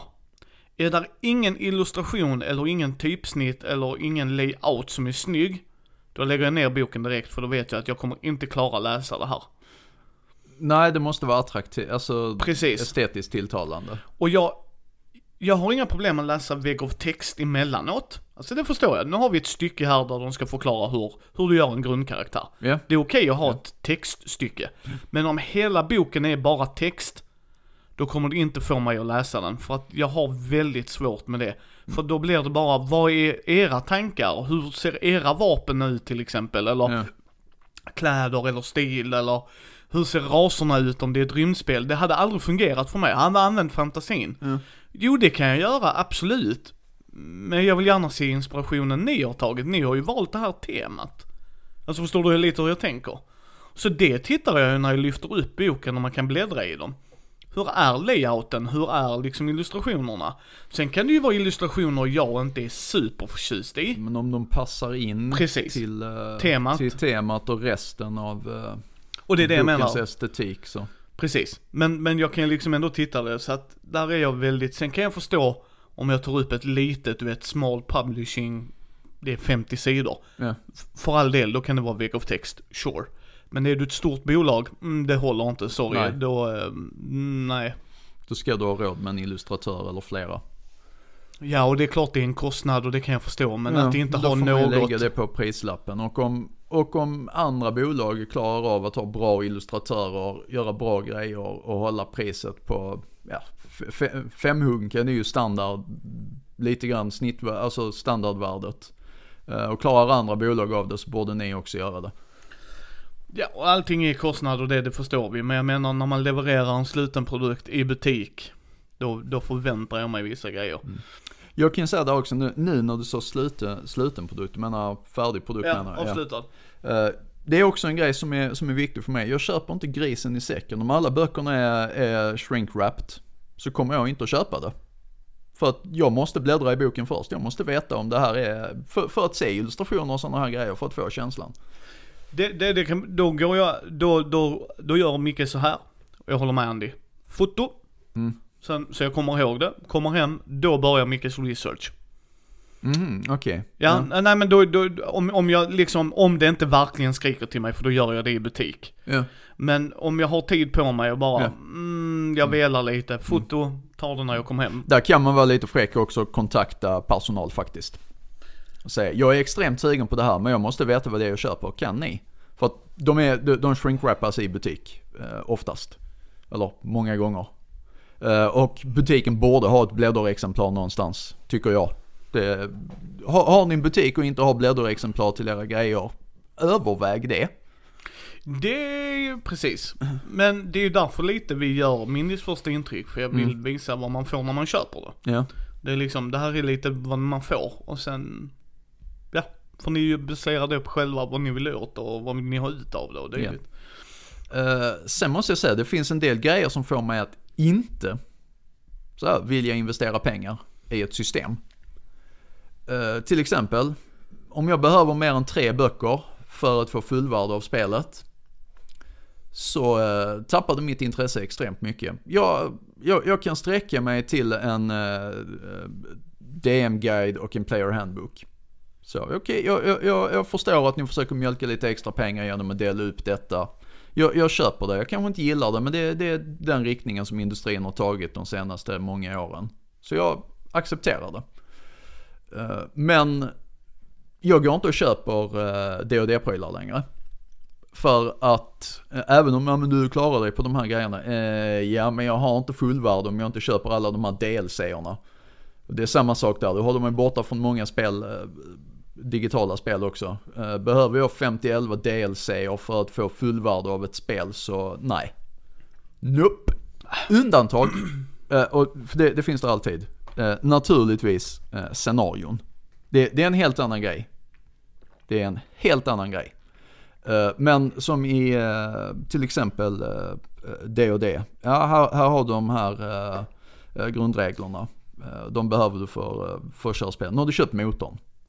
Men eh, sen eh, köper du bok A, B och C om ja, den här specifika klassen eh, och, och så här. Då, eh, nej, nej, det, det går jag inte med på.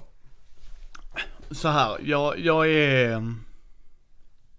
Jag vet inte var jag står där riktigt, för grejen är det att Ska du köra Dungeons and Dragons, jag, jag förstår varför de har tre böcker, helt ärligt. Det, det kan jag på ett sätt förstå.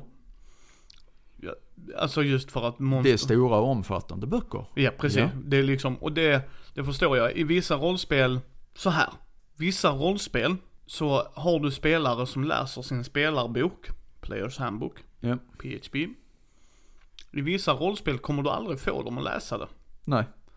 Och då vill jag inte ha en extra bok som är 384 sidor när jag ändå inte kommer få dem att läsa det. Nej. Det är vilken grupp man har att spela med. Har du en grupp som spelar, vi säger, ehm, ja vi tar Dungeons and Dragons. Ja. Att de har sin egen Players Handbook, mm, det är ju skitbra de som har det. Och du vet Ja. så här, det, det kan jag på ett sätt förstå. Ja. Men ur varselklotet som har sin spelarbok i, Mm. Den kommer de ju bara titta på när de gör karaktärer. Sen Ja. kommer de inte titta i den boken mer ändå. Nej. Och är de likadana när de spelar Dungeons and Dragons så kommer de ju inte köpa Players Handbook. För de vill ju bara vara där och ha kul och du har boken så kan man ju köra. Ja. Och i, I normala fall har jag inga problem med det överhuvudtaget. Men det blir ju väldigt så här intressant. Alltså det, är- det är tudelat, jag förstår vad Andy menar. Liksom, jag tycker, samtidigt tycker jag det är svinbra när man har en Players Handbook. Ja, eh, jag, jag Mm, under förstår förut, det här. nej men liksom vad jag bara menar, under förutsättning att du har en grupp av spelare som vill läsa den. För vill de inte läsa den ens, då spelar det ju ingen roll att jag har den. Jag köper ju den för att jag gillar att läsa För, ja, och för att man är kompetitionist. Eh, Precis, men jag gillar också att läsa det för oftast där kan du få dubbelbekräftat hur reglerna fungerar. Och många av böckerna är faktiskt väldigt bra. Så här funkar det. Jag får ju ge Players Handbook till Dungeons and Dragons. Den Ja, lär ju den- spelaren den- liksom. Den, den gör sitt jobb. eh, och, och som sagt, jag, jag, jag dissar det inte helt. För att det, det finns en, vet man om att man bara är liksom player och aldrig kommer att vara spelledare. Varför ska jag då sätta mig och lära mig all den här tunga behind the scenes mekaniken? Då, då behöver jag hålla koll på det som rör min karaktär liksom. Ehm, och samma sak som så. Men när, när, och, och det här, jag kan inte ge några exempel rakt ut. Ehm, men ibland så får man en känsla av att eh, du, du kan inte, inte spela det här utan att ha köpt alla böckerna separat. Nej, nej, alltså grejen är, så här ska jag säga. Dungeons and Dragons gör ju en grej väldigt unik när de gör sina tre böcker, för det är det enda jag har kommit på hittills som jag har spelat där jag behöver ha alla tre böcker och de faktiskt fyller en funktion. För spelledarboken, DMG'n, den ger dig väldigt mycket om världen och det. Japp. Är du inte intresserad av det, utan bara reglerna, skit i den, köp bara Players Handbook. Helt seriöst, bara gör det. Ja. Men monsterboken är alltid värd att införskaffa. Ja, Som spelledare. Som spelledare, absolut. Det är det jag menar, att där, där har jag inte känt, jag, jag, jag förstår lite vad Andy menar. Med att, liksom sådär, det, det köper jag. Att det kan vara avtändande när jag går in i butiken. Jag måste ha fyra böcker för ett komplett spel. Men då måste jag verkligen kunna titta i böckerna. Och snabbt kolla vad får jag i varje bok. Är det bara att de har drygat ut det som Hobbiten gjorde i tre filmer? Alltså hänger du med? Ja, att det ja, blev- ja, ja, ja, jag vet Mm. vad du menar. Då, då, då kommer jag inte köpa det. Då lägger jag tillbaks det i hyllan. Att, eh, då, då kommer jag verkligen kolla upp det. Behöver jag verkligen de här fyra böckerna? Vilka har spelat det? Vilka säger ja? Vissa gånger kommer de säga nej det behöver du inte. Bok 2 och 4 behöver du. Okej, jag köper bok 2 och 4. Om det lockar mig. Alltså Ja. då, då måste det verkligen intressera mig. Men jag håller med Andy. Jag, jag måste säga det här också, att det finns naturligtvis en massa vettiga supplement eh, man kan köpa. Men det, det jag har, har problemet mot det är när man förväntas, eller, eller det, det är gjort på ett sånt sätt att man behöver supplementen för ett fullvärdigt spel. Det, det, det är där mina problem ligger. Jo, och det, det köper jag. Det är det jag menar. Rent krasst. Och det är många nog som inte håller med mig. Men för att kunna spelleda Dungeons and Dragons behöver du två böcker. Monstermanualen och Players Handbook. Ja. För Players Handbook lär dig hur mekaniken fungerar. Alltså med strider och dylikt och alla de Ja. där. DMG'n, jag vet folk att den tillför en del. Men om du inte har 1500 spänn liggandes, skulle jag fortfarande rekommendera det med PHB och Monstermanualen. Eh, och nu, nu förutsätter vi att ni har spelledarvanor. Nej, det, jo, jo, men det, även, även, Men jag håller med. ja, liksom det är det jag menar. Men det kan du göra med Dungeons and Dragons. Ja, för att det är den typen av spel. Precis. Call of Cthulhu kan du köpa bara Keepers-guiden. Men det skadar inte dig att du köper Players Handbook för att där går de in mer på karaktärsskapandet. Och den räcker att spelarna läser och de fyller på med information om så här såg 20-talet ut. Så här ser det ut i Lovecraft County. Okej, absolut, men du behöver inte den. Du behöver inte ha Players Handbook, Investigators Handbook. Du Nej. behöver inte ha den. Keepers Guiden funkar hur bra Nu, som nu helst. pratar du 7th edition? Ja, 7th Ja. edition, liksom. Det är liksom upp till var och en vad de väljer att införskaffa där va. Så jag håller med Andy. Om, om det krävs att jag går in och köper bok 1, 2, 3 och 4. Då är jag inte intresserad av att ens börja. Nej, Utan att kolla innan. nej. För då krävs det väldigt mycket investering. Och då, då blir då köper jag inte grisen i säcken. Då ska temat vara så drypande och lockande. Att jag gör det. Och där kan jag säga handen på hjärtat, är det Batman på boxen kommer jag köpa det. Batman jo. rollspel. Men liksom det är enda gången och då, då spel, det, det är bara min guilty pleasure.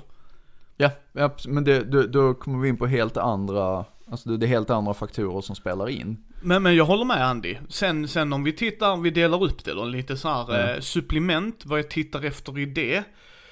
Så Dungeons and Dragons ska ju ha en grej, äventyr kan de göra rätt intressanta och de har gjort bra äventyr Alltså, för dem. deras- kampanjboxar och sånt här är ju, är ju riktigt spännande. Ja, så det kan jag ge dem. Och då går jag, jag köper ju alla Dungeons and Dragons böcker för att de kommer pö om pö och jag är en completionist som Andy säger. Så det är därför jag köper dem.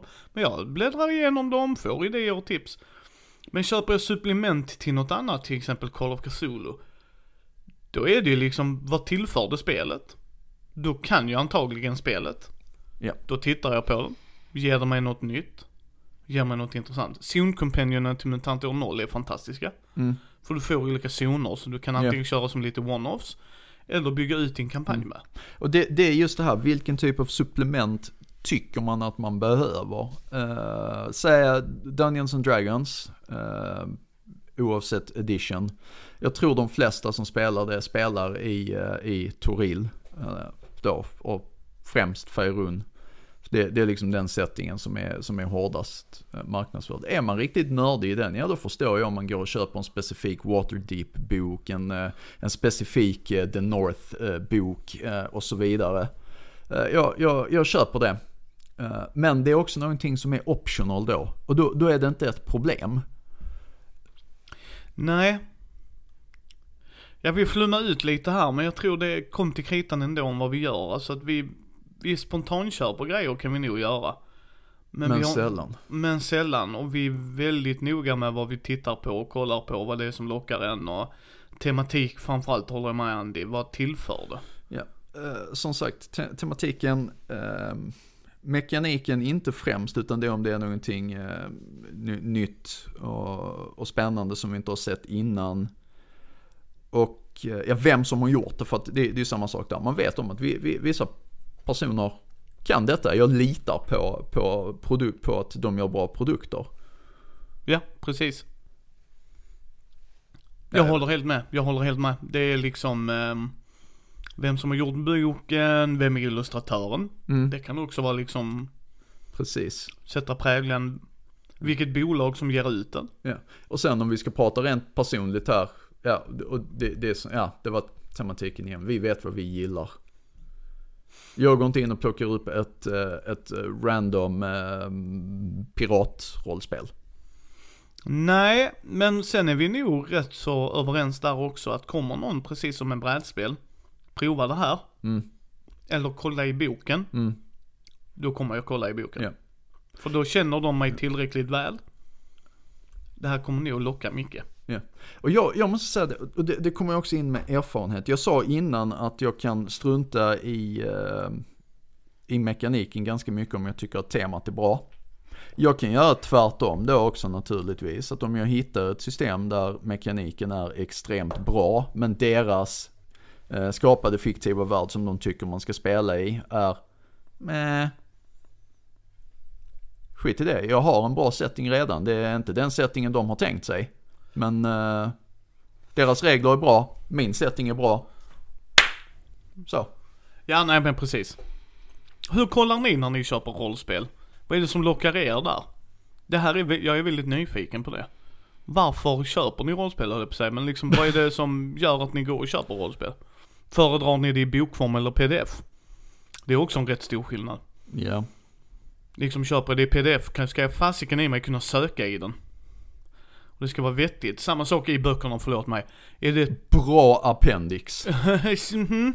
Och gärna läsband.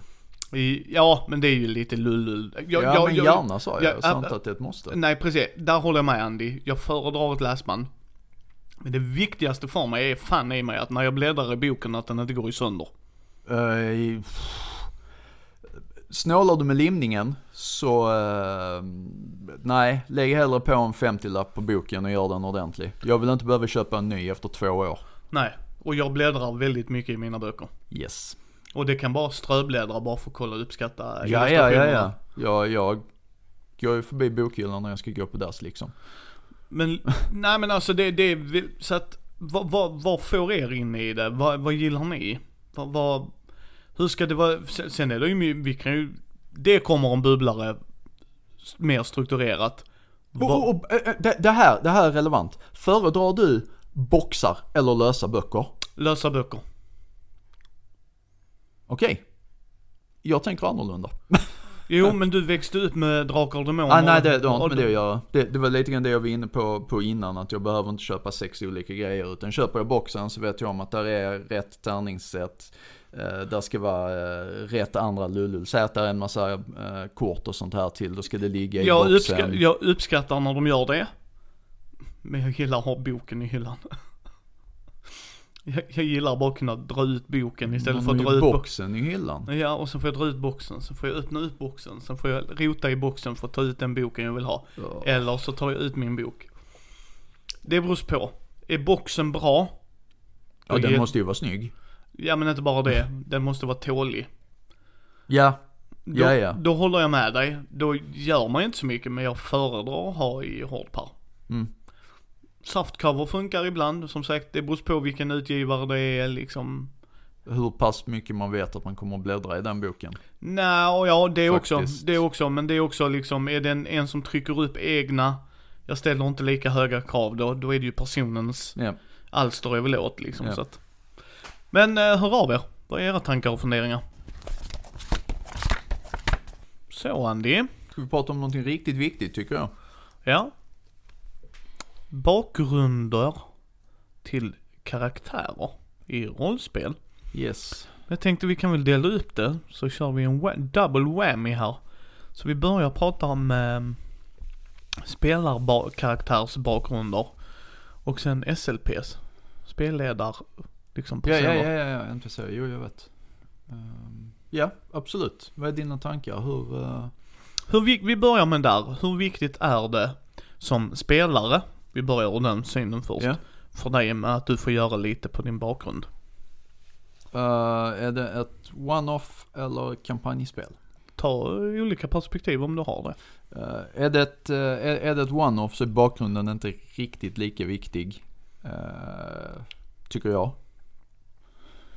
Men i ett kampanjspel så är bakgrund mycket viktigt. Mm, Ja, nu, nu, nu pratar jag ju som teaternörd och, och, och sånt här också. Eh, Så jag har väldigt lätt att, och, och kreativ, jag har väldigt lätt att skriva bakgrunder. Det är kanske lättare för mig att säga att de är extremt viktiga också. Så är det ju, så är det ju. Men som eh, liksom, eh, för mig i det fallet, one-off, då vill jag, min bakgrund är hur jag beskriver karaktären på tio meningar. Ja, ja det räcker liksom. Det, det håller jag med dig om. Eh, men jag vill, om, om jag får göra min karaktär, eh, ska jag spela en färdiggjord karaktär så vill jag att de tio meningarna är med. Ja. Eh, gör jag en karaktär från långkörarkampanj? Ja. Då vill jag ha en, något att säga till om min bakgrund. Oftast brukar jag beskriva den rätt kortfattat ändå. Och sen lägger jag till grejer ju mer jag kommer in i karaktären. Ja, men då har du i alla fall en, eh, en bas när du börjar. Oh ja, det har jag. Det Ja. har jag. Sen tweakar jag den basen lite då och då, men Men jag har en bas, jag har en grund, jag har lite hur, hur man tänker och sådär. För min del, vad jag tycker är viktigt med min karaktär. Så, Ja. så det håller jag med dig om att det är två skilda saker för mig där. Men även, även i en one-off vill jag ha lite hum om, Vem, vem man är. ja, men det är ytter, alltså vi snackar stora, stora penseln, breda drag liksom. Ja. Äh, men här kommer vi in på en annan grej. Är det ett scenario som är baserat på, eh, eller som handlar mycket om intrigspel eller så, så måste man, alltså då är ju bakgrunden ett av verktygen. Så, så är det ju. Så, självklart är det ju tyck, det är liksom precis. Så att vissa gånger behöver du ta den lilla penseln där också. Eh, självklart är det rollspelsbaserat och dylikt. Och sen pratar vi ur den traditionella meningen såklart. I indieflum och OSR är vi inte så vana i. Alltså jag En- gillar inte begreppet indieflum. Vi kan nöja oss med indiespel. Det är okej. Jag, jag tycker det är indieflum just för att det är så friformigt och fritt. Så jag vill komma dit någon gång, men så det kan jag inte basera någonting på. Men även där känner jag. Jag vill ha en kontext till varför min karaktär är där. Precis. Eh, inom, eh, alltså när man skriver och liknande och, och ska skapa en karaktär där så har man ju vissa, alltså en uppsättning med ven, exakt hur många det är beror lite grann på vilken skola man följer. Eh, som helst ska besvaras. Eh, till exempel eh, vem, vad, varifrån, varför. Det, det är sådana som jag tycker att man bör, bör tänka på. Det, det, som du säger Micke, det kan man göra i, i tio meningar. Men man kan också gå in och riktigt så här detalj eh, skriva det. Så är det ju, självklart är det ju så. Så, så är det ju alltid. Alltså du kan ju göra någonting, woho, rabbit hole liksom. Det Mm. bara springa ner djupare i kaninhålet, så är det ju. Men jag känner någonstans där, eh, som spelare, hur viktigt är det för dig att det du har skrivit in i din bakgrund händer i kampanjen? Förstår du lite hur jag tänker? Ja, ja, ja, jag vet exakt hur du tänker. Eh, det är inte det viktigaste, utan bakgrunden handlar mycket om att jag ska förstå min karaktär. Jag ska spela min karaktär utifrån min bakgrund. Alltså min karaktärs personlighet har ju formats av eh, uppväxt och tidigare erfarenheter och så. Och de är ju sammanställda i min bakgrund. Om jag inte skulle ha den så skulle det bli lite grann som när jag spelar Skyrim till exempel. Att jag bestämmer mig när jag gör karaktären för att den här gången ska jag fasingen göra en, eh, en heavy armored fighter med tvåhandsvapen. Och eh, åtta levlar senare så kutar jag runt med en pilbåge och snickar.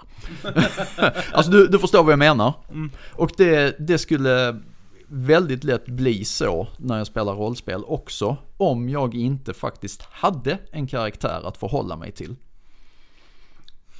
Ja, alltså jag är Men det, det, det är för att jag ska kunna spela karaktären Micke. Eh, den nej, nej. behöver inte knytas in i- Det av spelledaren. Men det är så roligt när den gör det. Det blir så mycket djup, både till kampanjen och till min karaktär. När sådana här saker antyds eller anspelas på. Du får absolut inte ta någon sorts eh, huvudfokus. Men om man springer på, ska, ska ha information om någonting eh, på något sidigt ställe och så kommer man in där och kanske försöker hålla sig inkognito eller så. Så dyker en gammal klasskompis upp och bara Åh, tjena Kalle, och kul att se dig, jag har inte sett dig sedan avslutningen 98. Bara "Shh, shh, fuck, fuck, fuck. Alltså, det, det kan användas på sådana sätt. Och det är jättekul. Det är det jag menar lite. Jag har så här. om inte spelledaren kan göra det intressant Mm. så behöver jag inte ha det i spelet. Utan då är det bara för att sätta ramverket varför min karaktär är som karaktären är. Mm. Kan de göra det intressant och roligt? Ja. Ja. Då vill jag gärna ha med det. Ja. Helt ärligt, då vill jag gärna. Och inte hela tiden, inte överallt, men när man, spelledaren känner, fy fasiken. Nu kan vi förhöja Ja, tillfället ett steg till, ett, en pin upp. Ja. För helt plötsligt så får de en, en kontext till varför de är här eller Ja. någonting. Alltså det, precis. Eh, nu har det varit segt ett tag. Vi behöver en liten extra konfliktfnurr här. Oh, kolla. Mickes ex eh, kom in. Alltså sådana grejer. Det, det går att använda. han, han som snodde dina mycket. pengar i förra staden. Ja, Han knallar rätt in på tavernan, vad gör du? ja. Ja, jag kör ju en impulsiv karaktär, så jag reser mig upp, jagar fatt svinet och tar tillbaka mina pengar. Ja. Till exempel. Med blodsräntor. Ja. Nej men det håller jag med om. Men det är det jag menar, jag vill ha hellre det snyggt gjort. Mm. Och jag har inga problem att spelledaren försöker, det kan jag säga. Det, jag provar och Kan så inte får, lyckas alltid. nej, så får vi misslyckas tillsammans, det är inte det. Men har de inte en tydlig plan eller idé eller de bara, mm, nu gör jag en grej. Ja. Okej, vi kan prova, absolut. Jag som, jag tror vi har pratat om detta, men jag som spelledare kan inte gå ut till min grupp och bara kräva, nu vill jag ha en 5000 ords eh, essä och sen inte använda den. Det är ju fruktansvärt respektlöst att kräva den arbetsinsatsen och sen eh, bara, mhm. Men jag tänkte vi skulle ta spelledardelen också. Ja, men Eh, du tänkte på NPC? nej, bakom. nej, nej, nej, det, det också, Okej, det också. Okej, Det det är en perspektivet. Ja, precis. Om en spelare skulle komma till mig med, med 5000 ord. Ja, För det första Andreas. så skulle jag titta på Andreas. Really? Same procedure as every time. Och sen så kommer han tillbaks med redigerat material, sen läser jag den. Nej men helt ärligt, skulle de komma med väldigt mycket material, då hade jag använt det. Då, Mm. då är jag mer benägen av att använda det. Behövs det? Nej, det behövs inte, men Och det beror helt och hållet på spelaren här. Mm. Jag kan inte understryka det nog. Har jag en spelare som kan leva sig in i vilken karaktär de än gör, men behöver inte ha det fluff-fluff ru- runt om bakgrunden, då gör jag inte det. Då spelar inte det någon roll, för de lever Nej. sig in i sin karaktär, nonetheless och håller IQ. Mm. Märker jag att det förhöjer hos en av mina spelare, då kan du ge dig satan på att jag använder det. Använder jag gamla grejer som jag har, sån nostalgigrejer och namedroppar? Ja det gör jag också, för Ja. det får en igenkänningsfaktor. Ja. Vi nu, när vi kör Dragon Heist använder jag karaktärer ifrån Curse of kampanjer, Ja. Yes, Ja, ja men det, det är ju självklart. Det, det är ett sätt att få världen levande. yes, de känner till Reptar. Reptar är med. Mm. De interagerar med Reptar. De liksom, helt plötsligt kommer hunden Ogrok. Mm. Det pumpas karaktär. Han Mm. garvar bara. Ja. Du har en stor mastiff som, ja okej, ja sure liksom. Och det, det blir liksom roligt. Det blir intressant, det blir väldigt mycket givande. Mm. Men jag är inte säker på att jag skulle kalla det riktigt samma sak som, Nej, nej, som bakgrund. Nej, nej, nej, nej, det, det förstår jag. Vad jag bara menar är att jag använder ju gärna sådana grejer. Det, Ja. det håller jag med dig om att det är ingen bara, om ingen skriver in det i sin bakgrund, Ja. att jag är Reptars kusin, Ja. då är det ju själv, självklart annorlunda. Men jag bara menar är att jag använder ju de grejerna, så då har jag inga problem att använda något du kommer med, något konstruktivt du har. Nej. Så här är det också när man kommer in i, beroende på vad det är för typ av spel också, det här är också jäkligt viktigt Ja. så beror det helt och hållet på vilket system eller värld eller tema vi använder. I Call of Cthulhu vill jag att de har en bakgrund. Ja. Mycket mer tydligare än vad jag kanske vill ha i Dungeons and Dragons eller MUTANT år 0. ja. Men det är lite grann skillnaden på att Dungeons and Dragons och är, är ju väldigt mycket, det, mekaniken och sånt är rullbaserat väldigt mycket. Och då ligger inte fokuset på karaktärsspelet på samma sätt. Det kan göra, men Ja. det är mer upp till spelaren. Ja. Det vill jag påstå åtminstone. Nu tänker jag generellt vad de är skapade för. Nej men de har ju bakgrunder och det. Det har de. Du får ju en bakgrund specifikt i Dungeons and Dragons. Den ger ju dig spelmekaniska olika grejer. Och det köper jag. Jaha, ja du menar eh, background på det viset? Nej, nej, nej, nej, nej, nej, men det är det jag menar, det, jag bara säger här Andy. Så, så det kan jag förstå.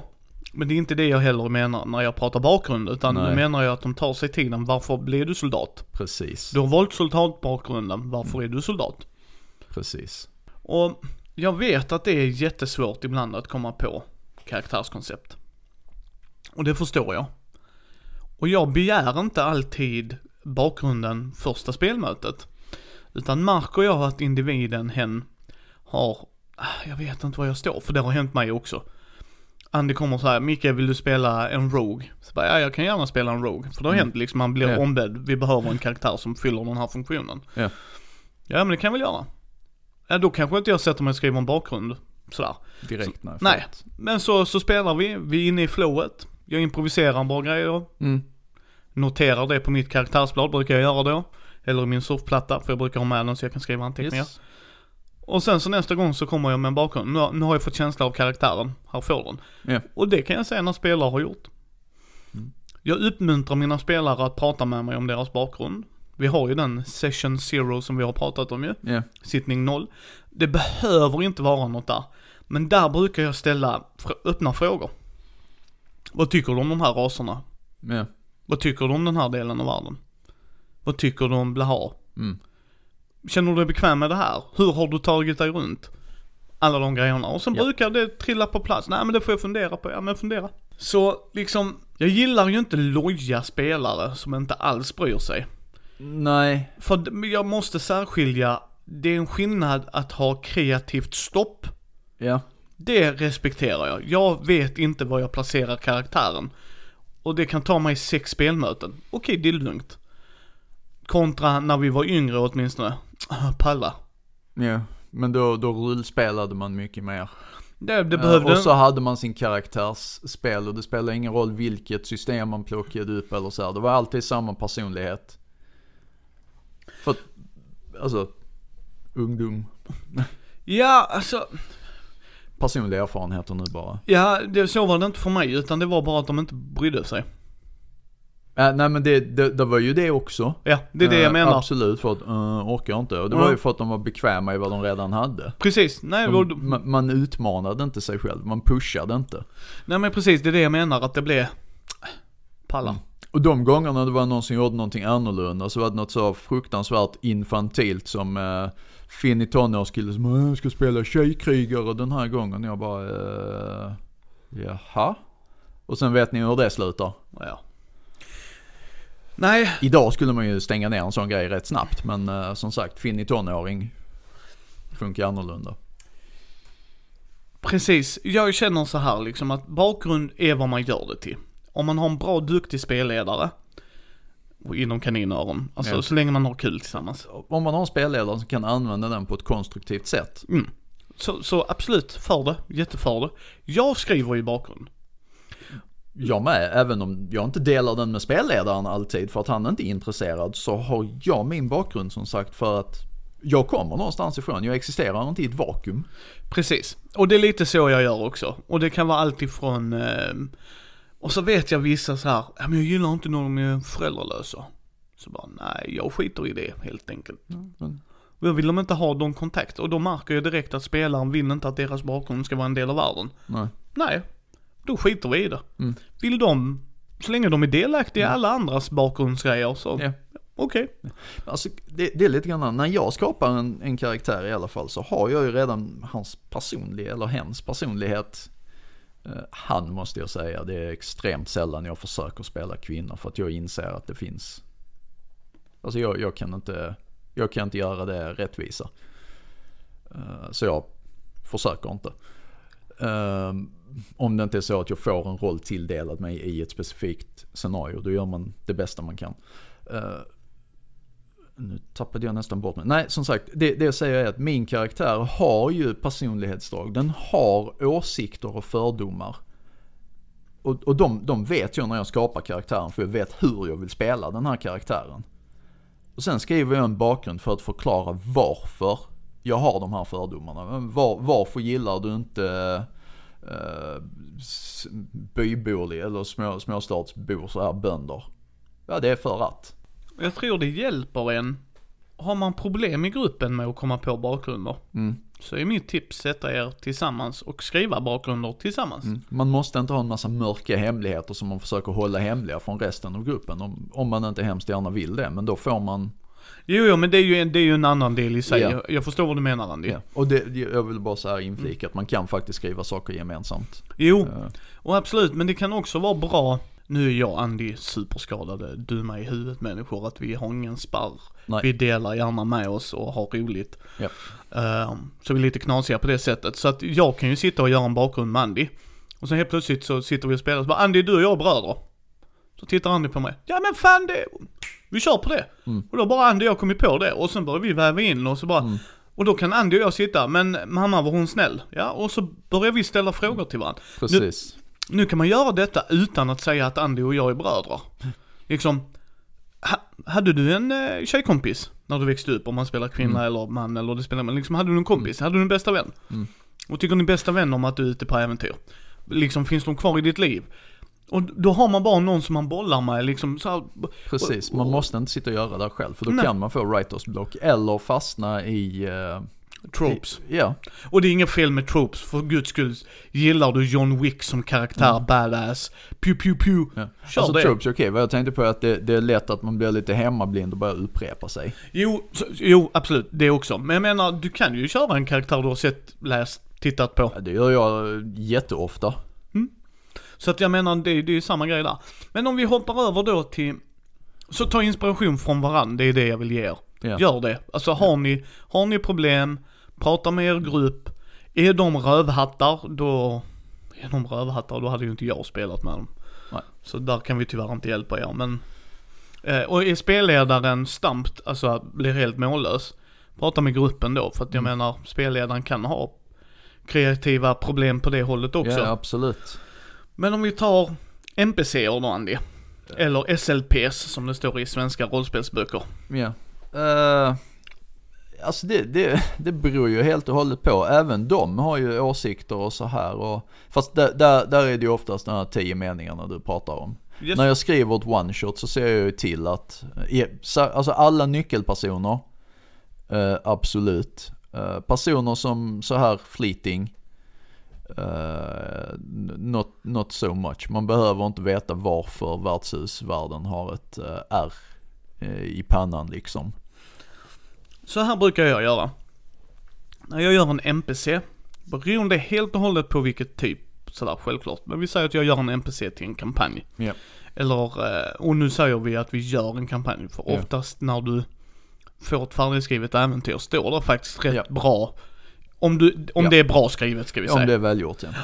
Eh, men om jag gör en NPC, då tänker jag ut rätt generella drag. Jag är jättedålig på att improvisera namn. Det är jag sjukt dålig på. Ja. Så då, då förbereder jag med namn. Jag förbereder mig beroende på vilket typ av spel jag spelar. Så skulle jag spela Call of Cthulhu, så skulle jag tänka, vilken nationalitet har individen? Mm. Kontra raser i D&D. Ja. Rätt upp och ner. Så är det en dvärg de pratar med, Mm. ja. Då, då tänker jag mig in i det sättet. Och sen börjar jag kolla, hur viktig är den här NPCn? Så man lägger ju inte ner som sagt hur Precis. många timmar som helst på Utan, en, utan är han barkeepern? Ja. Har han intressanta karaktärsdrag? Ja, han har ett ärr över vänstra ögat. Mm. Skulle hon fråga mig, improvisera fram det. Ja, Det var det inte viktiga. Precis. Men nu kommer jag till kontra skurken. Där gör jag en background. Ja. Där är inte ens tio rader. Det kan vara hur mycket Ja, som ja, helst ja, ja, beroende. för det, det är ju liksom en, alltså huvudantagonisten. Det kan vara tio rader också. Jag kan måla med en väldigt bred pensel i början. Och sen Men då bara blir det mycket antecknande under tiden. Ja, men det går. Det går att göra om man får känna sig själv. Mm. Men på viktiga karaktärer. Sen kan jag säga, sen har jag blivit överraskad för mina spelare. Ni kunde gått höger. Ni kunde gått vänster. Nej, men jag vet vad vi gör. Vi snurrar rundor och eh, går bakåt igen. Mm. Men det är ju spelare, det är så de gör. Precis. Så då har jag ju fått ta en NPC som jag, eh, Nisse. Mm. 22 år, man, så. Oj shit, eh, nu blir det helt plötsligt Nisse en NPC som springer med de här. Eh, ja, okej, eh, vi improviserar lite. Nu får jag sätta mig ner nästa gång mellan mötena. Nu har vi, okej, nu får han mer än 10 rader. Ja. Det har ju hänt ju. Mm. Men det är ju för att de har gjort något jag inte har varit beredd på. Ja men då, då har du ju ändå fått en viktigare karaktär helt plötsligt. Yes. Även om du inte från början visste att hen skulle bli det. Så, så är det ju. Men och sen, där kan jag säga processen för att göra de viktiga karaktärerna är helt beroende på vilket humör jag är på. Mm. Alltså vad baserar jag det på? Är det taget ifrån någon? Alltså är det en skurk jag har sett på tv, film, läst i bok? Alltså du vet sådana grejer. Det, det, det tar jag i bejakning ju. Kopierar jag bara rätt upp och ner, det har hänt, utan att skämmas. De Ja. här dragen och här är varför ja, liksom. absolut. Eh, och det är en så, det är ju ett berättartekniskt grepp man kan använda också. Om spelarna känner igen karaktären trots att det inte är den karaktären så vet de vad de har att förvänta sig. Det är, Precis. Så att, mm. Tycker jag det är viktigt att en spelledare gör det. Återigen, då hamnar vi är du sjukt duktig på att improvisera och skriver inte ner någonting förutom en mening. All heder till dig. Jag behöver personligen förbereda mig. När jag går in i en grupp, framförallt när vi kör en kampanj, så måste jag tänka ut, sen händer det att jag får improvisera, så är det ju. För där är någon dummerhuvud som bara, jag går fram och pratar med person A. Okej. Mm. Då får vi ta person A då. Och då säger den lata spelledaren bara, ja hen vill inte prata med dig, gå sin väg. Nej det gör inte Micke. Utan då fum- fumlar Micke, ja absolut, bläddrar, bläddrar, bläddrar, bläddrar. Ja. Namn, namn, namn, namn. Nej men liksom, Bara anekdot. Får jag berätta om när jag var, eh, var, var, var ung och behövde snabbimprovisera namn. kör. Okej, man såg sig runt i rummet och sen så det var ofta fantasy och spelade då. Och sen så såg man ett ord och sen så stavade man det baklänges i huvudet och tada! Vet du hur kul det var när spelarna tre möten senare kom på vad du hade gjort? Nödlösningar. Ja. Nej men alltså samma sak där. Det är ju vad man gör det till och vilka man spelar med, hur man spelar med dem. Och det är ju väldigt viktigt det också ju. Hur bekväm är man med att förbereda? Hur bekväm är man inte med att förbereda? Vill man förbereda någonting? Vill man inte? Jag gör det. Jag skriver upp på väldigt viktiga NPCs, stora drag. Och det behöver inte vara mer än 10 ord heller, eller 10 meningar. Det kan räcka med det. Det, det, det tar sagt- slut liksom när jag känner, punkt. Det här Ja. funkar. Ja precis, och som sagt beroende på vilken typ av spel också. Säg att man spelar eh, World of Darkness Vampire. Så här. Där vill jag ju ha väldigt mycket och det kan vara rätt jobbigt att skriva bakgrund till en 800 år gammal primogen. Eh, Precis. Så där får man ju anstränga sig lite. Och sen har jag aldrig varit rädd att ändra en karaktär om man bara, hmm, det här blir mycket bättre om vi kör så här istället. Alltså det, det kan man ju göra, men har du etablerat en karaktär så är du så förbannat illa tvungen att hålla dig till den. Jo men det kan jag fortfarande göra, men göra tweaks i bakgrunden. Ja, Mm. ja, ja, ja, ja absolut. Om det inte är någonting som har hunnit influera spelet så kan man ju så här hur mycket som helst. Men som spelledare, när du har introducerat någonting så måste du hålla dig fast vid det. Ja. Ja, Alltså du måste ha, måste vara konsekvent, du vill Ja. ha konsekvenser, alltså. Men ja, det är lite så här. alltså jag tycker det är viktigt. Tycker jag att det gör allting? Nej det gör det inte, utan då får jag bara jobba mer. Okej då.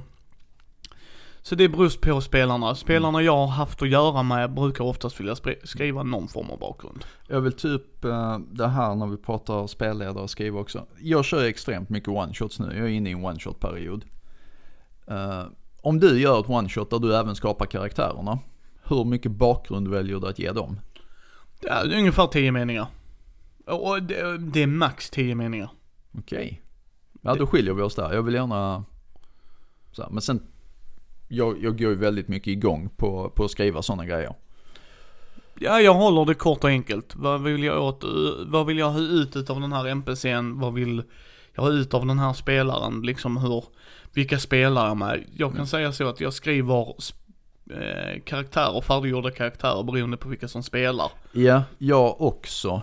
Eh, och just därför så, då vet man ofta vilken spelare behöver lite extra hjälp eh, och så. Då kan man stoppa in det i bakgrunden. Så det, det är ett jättebra verktyg som spel, spelledare att, att använda för att hjälpa spelare och även styra kampanjen lite grann. Precis. Nej men det, det, ja. Vad tycker ni om bakgrunder? Hur viktigt är det för er? Vill ni skriva 17 av 4 sidor?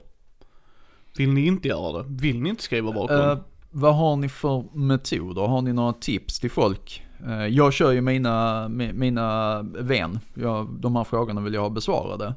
Uh, finns det andra bra tips? Jag, jag är visst 30 år men hållit på med det. Men det betyder verkligen inte att jag inte fortfarande behöver hjälp och bättre metoder och så.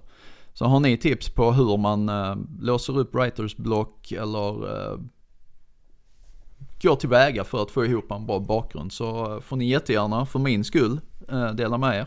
Ja, dela med er så mycket som möjligt. Men då hoppar vi till anekdoter Andy tycker jag. Anekdoter it was. Så Andy, Så Micke, ska vi köra lite anekdoter? Vill du börja? ja det kan jag göra. Jag tänkte den jag har knyter tillbaks till eh, bakgrunds eh, biten faktiskt.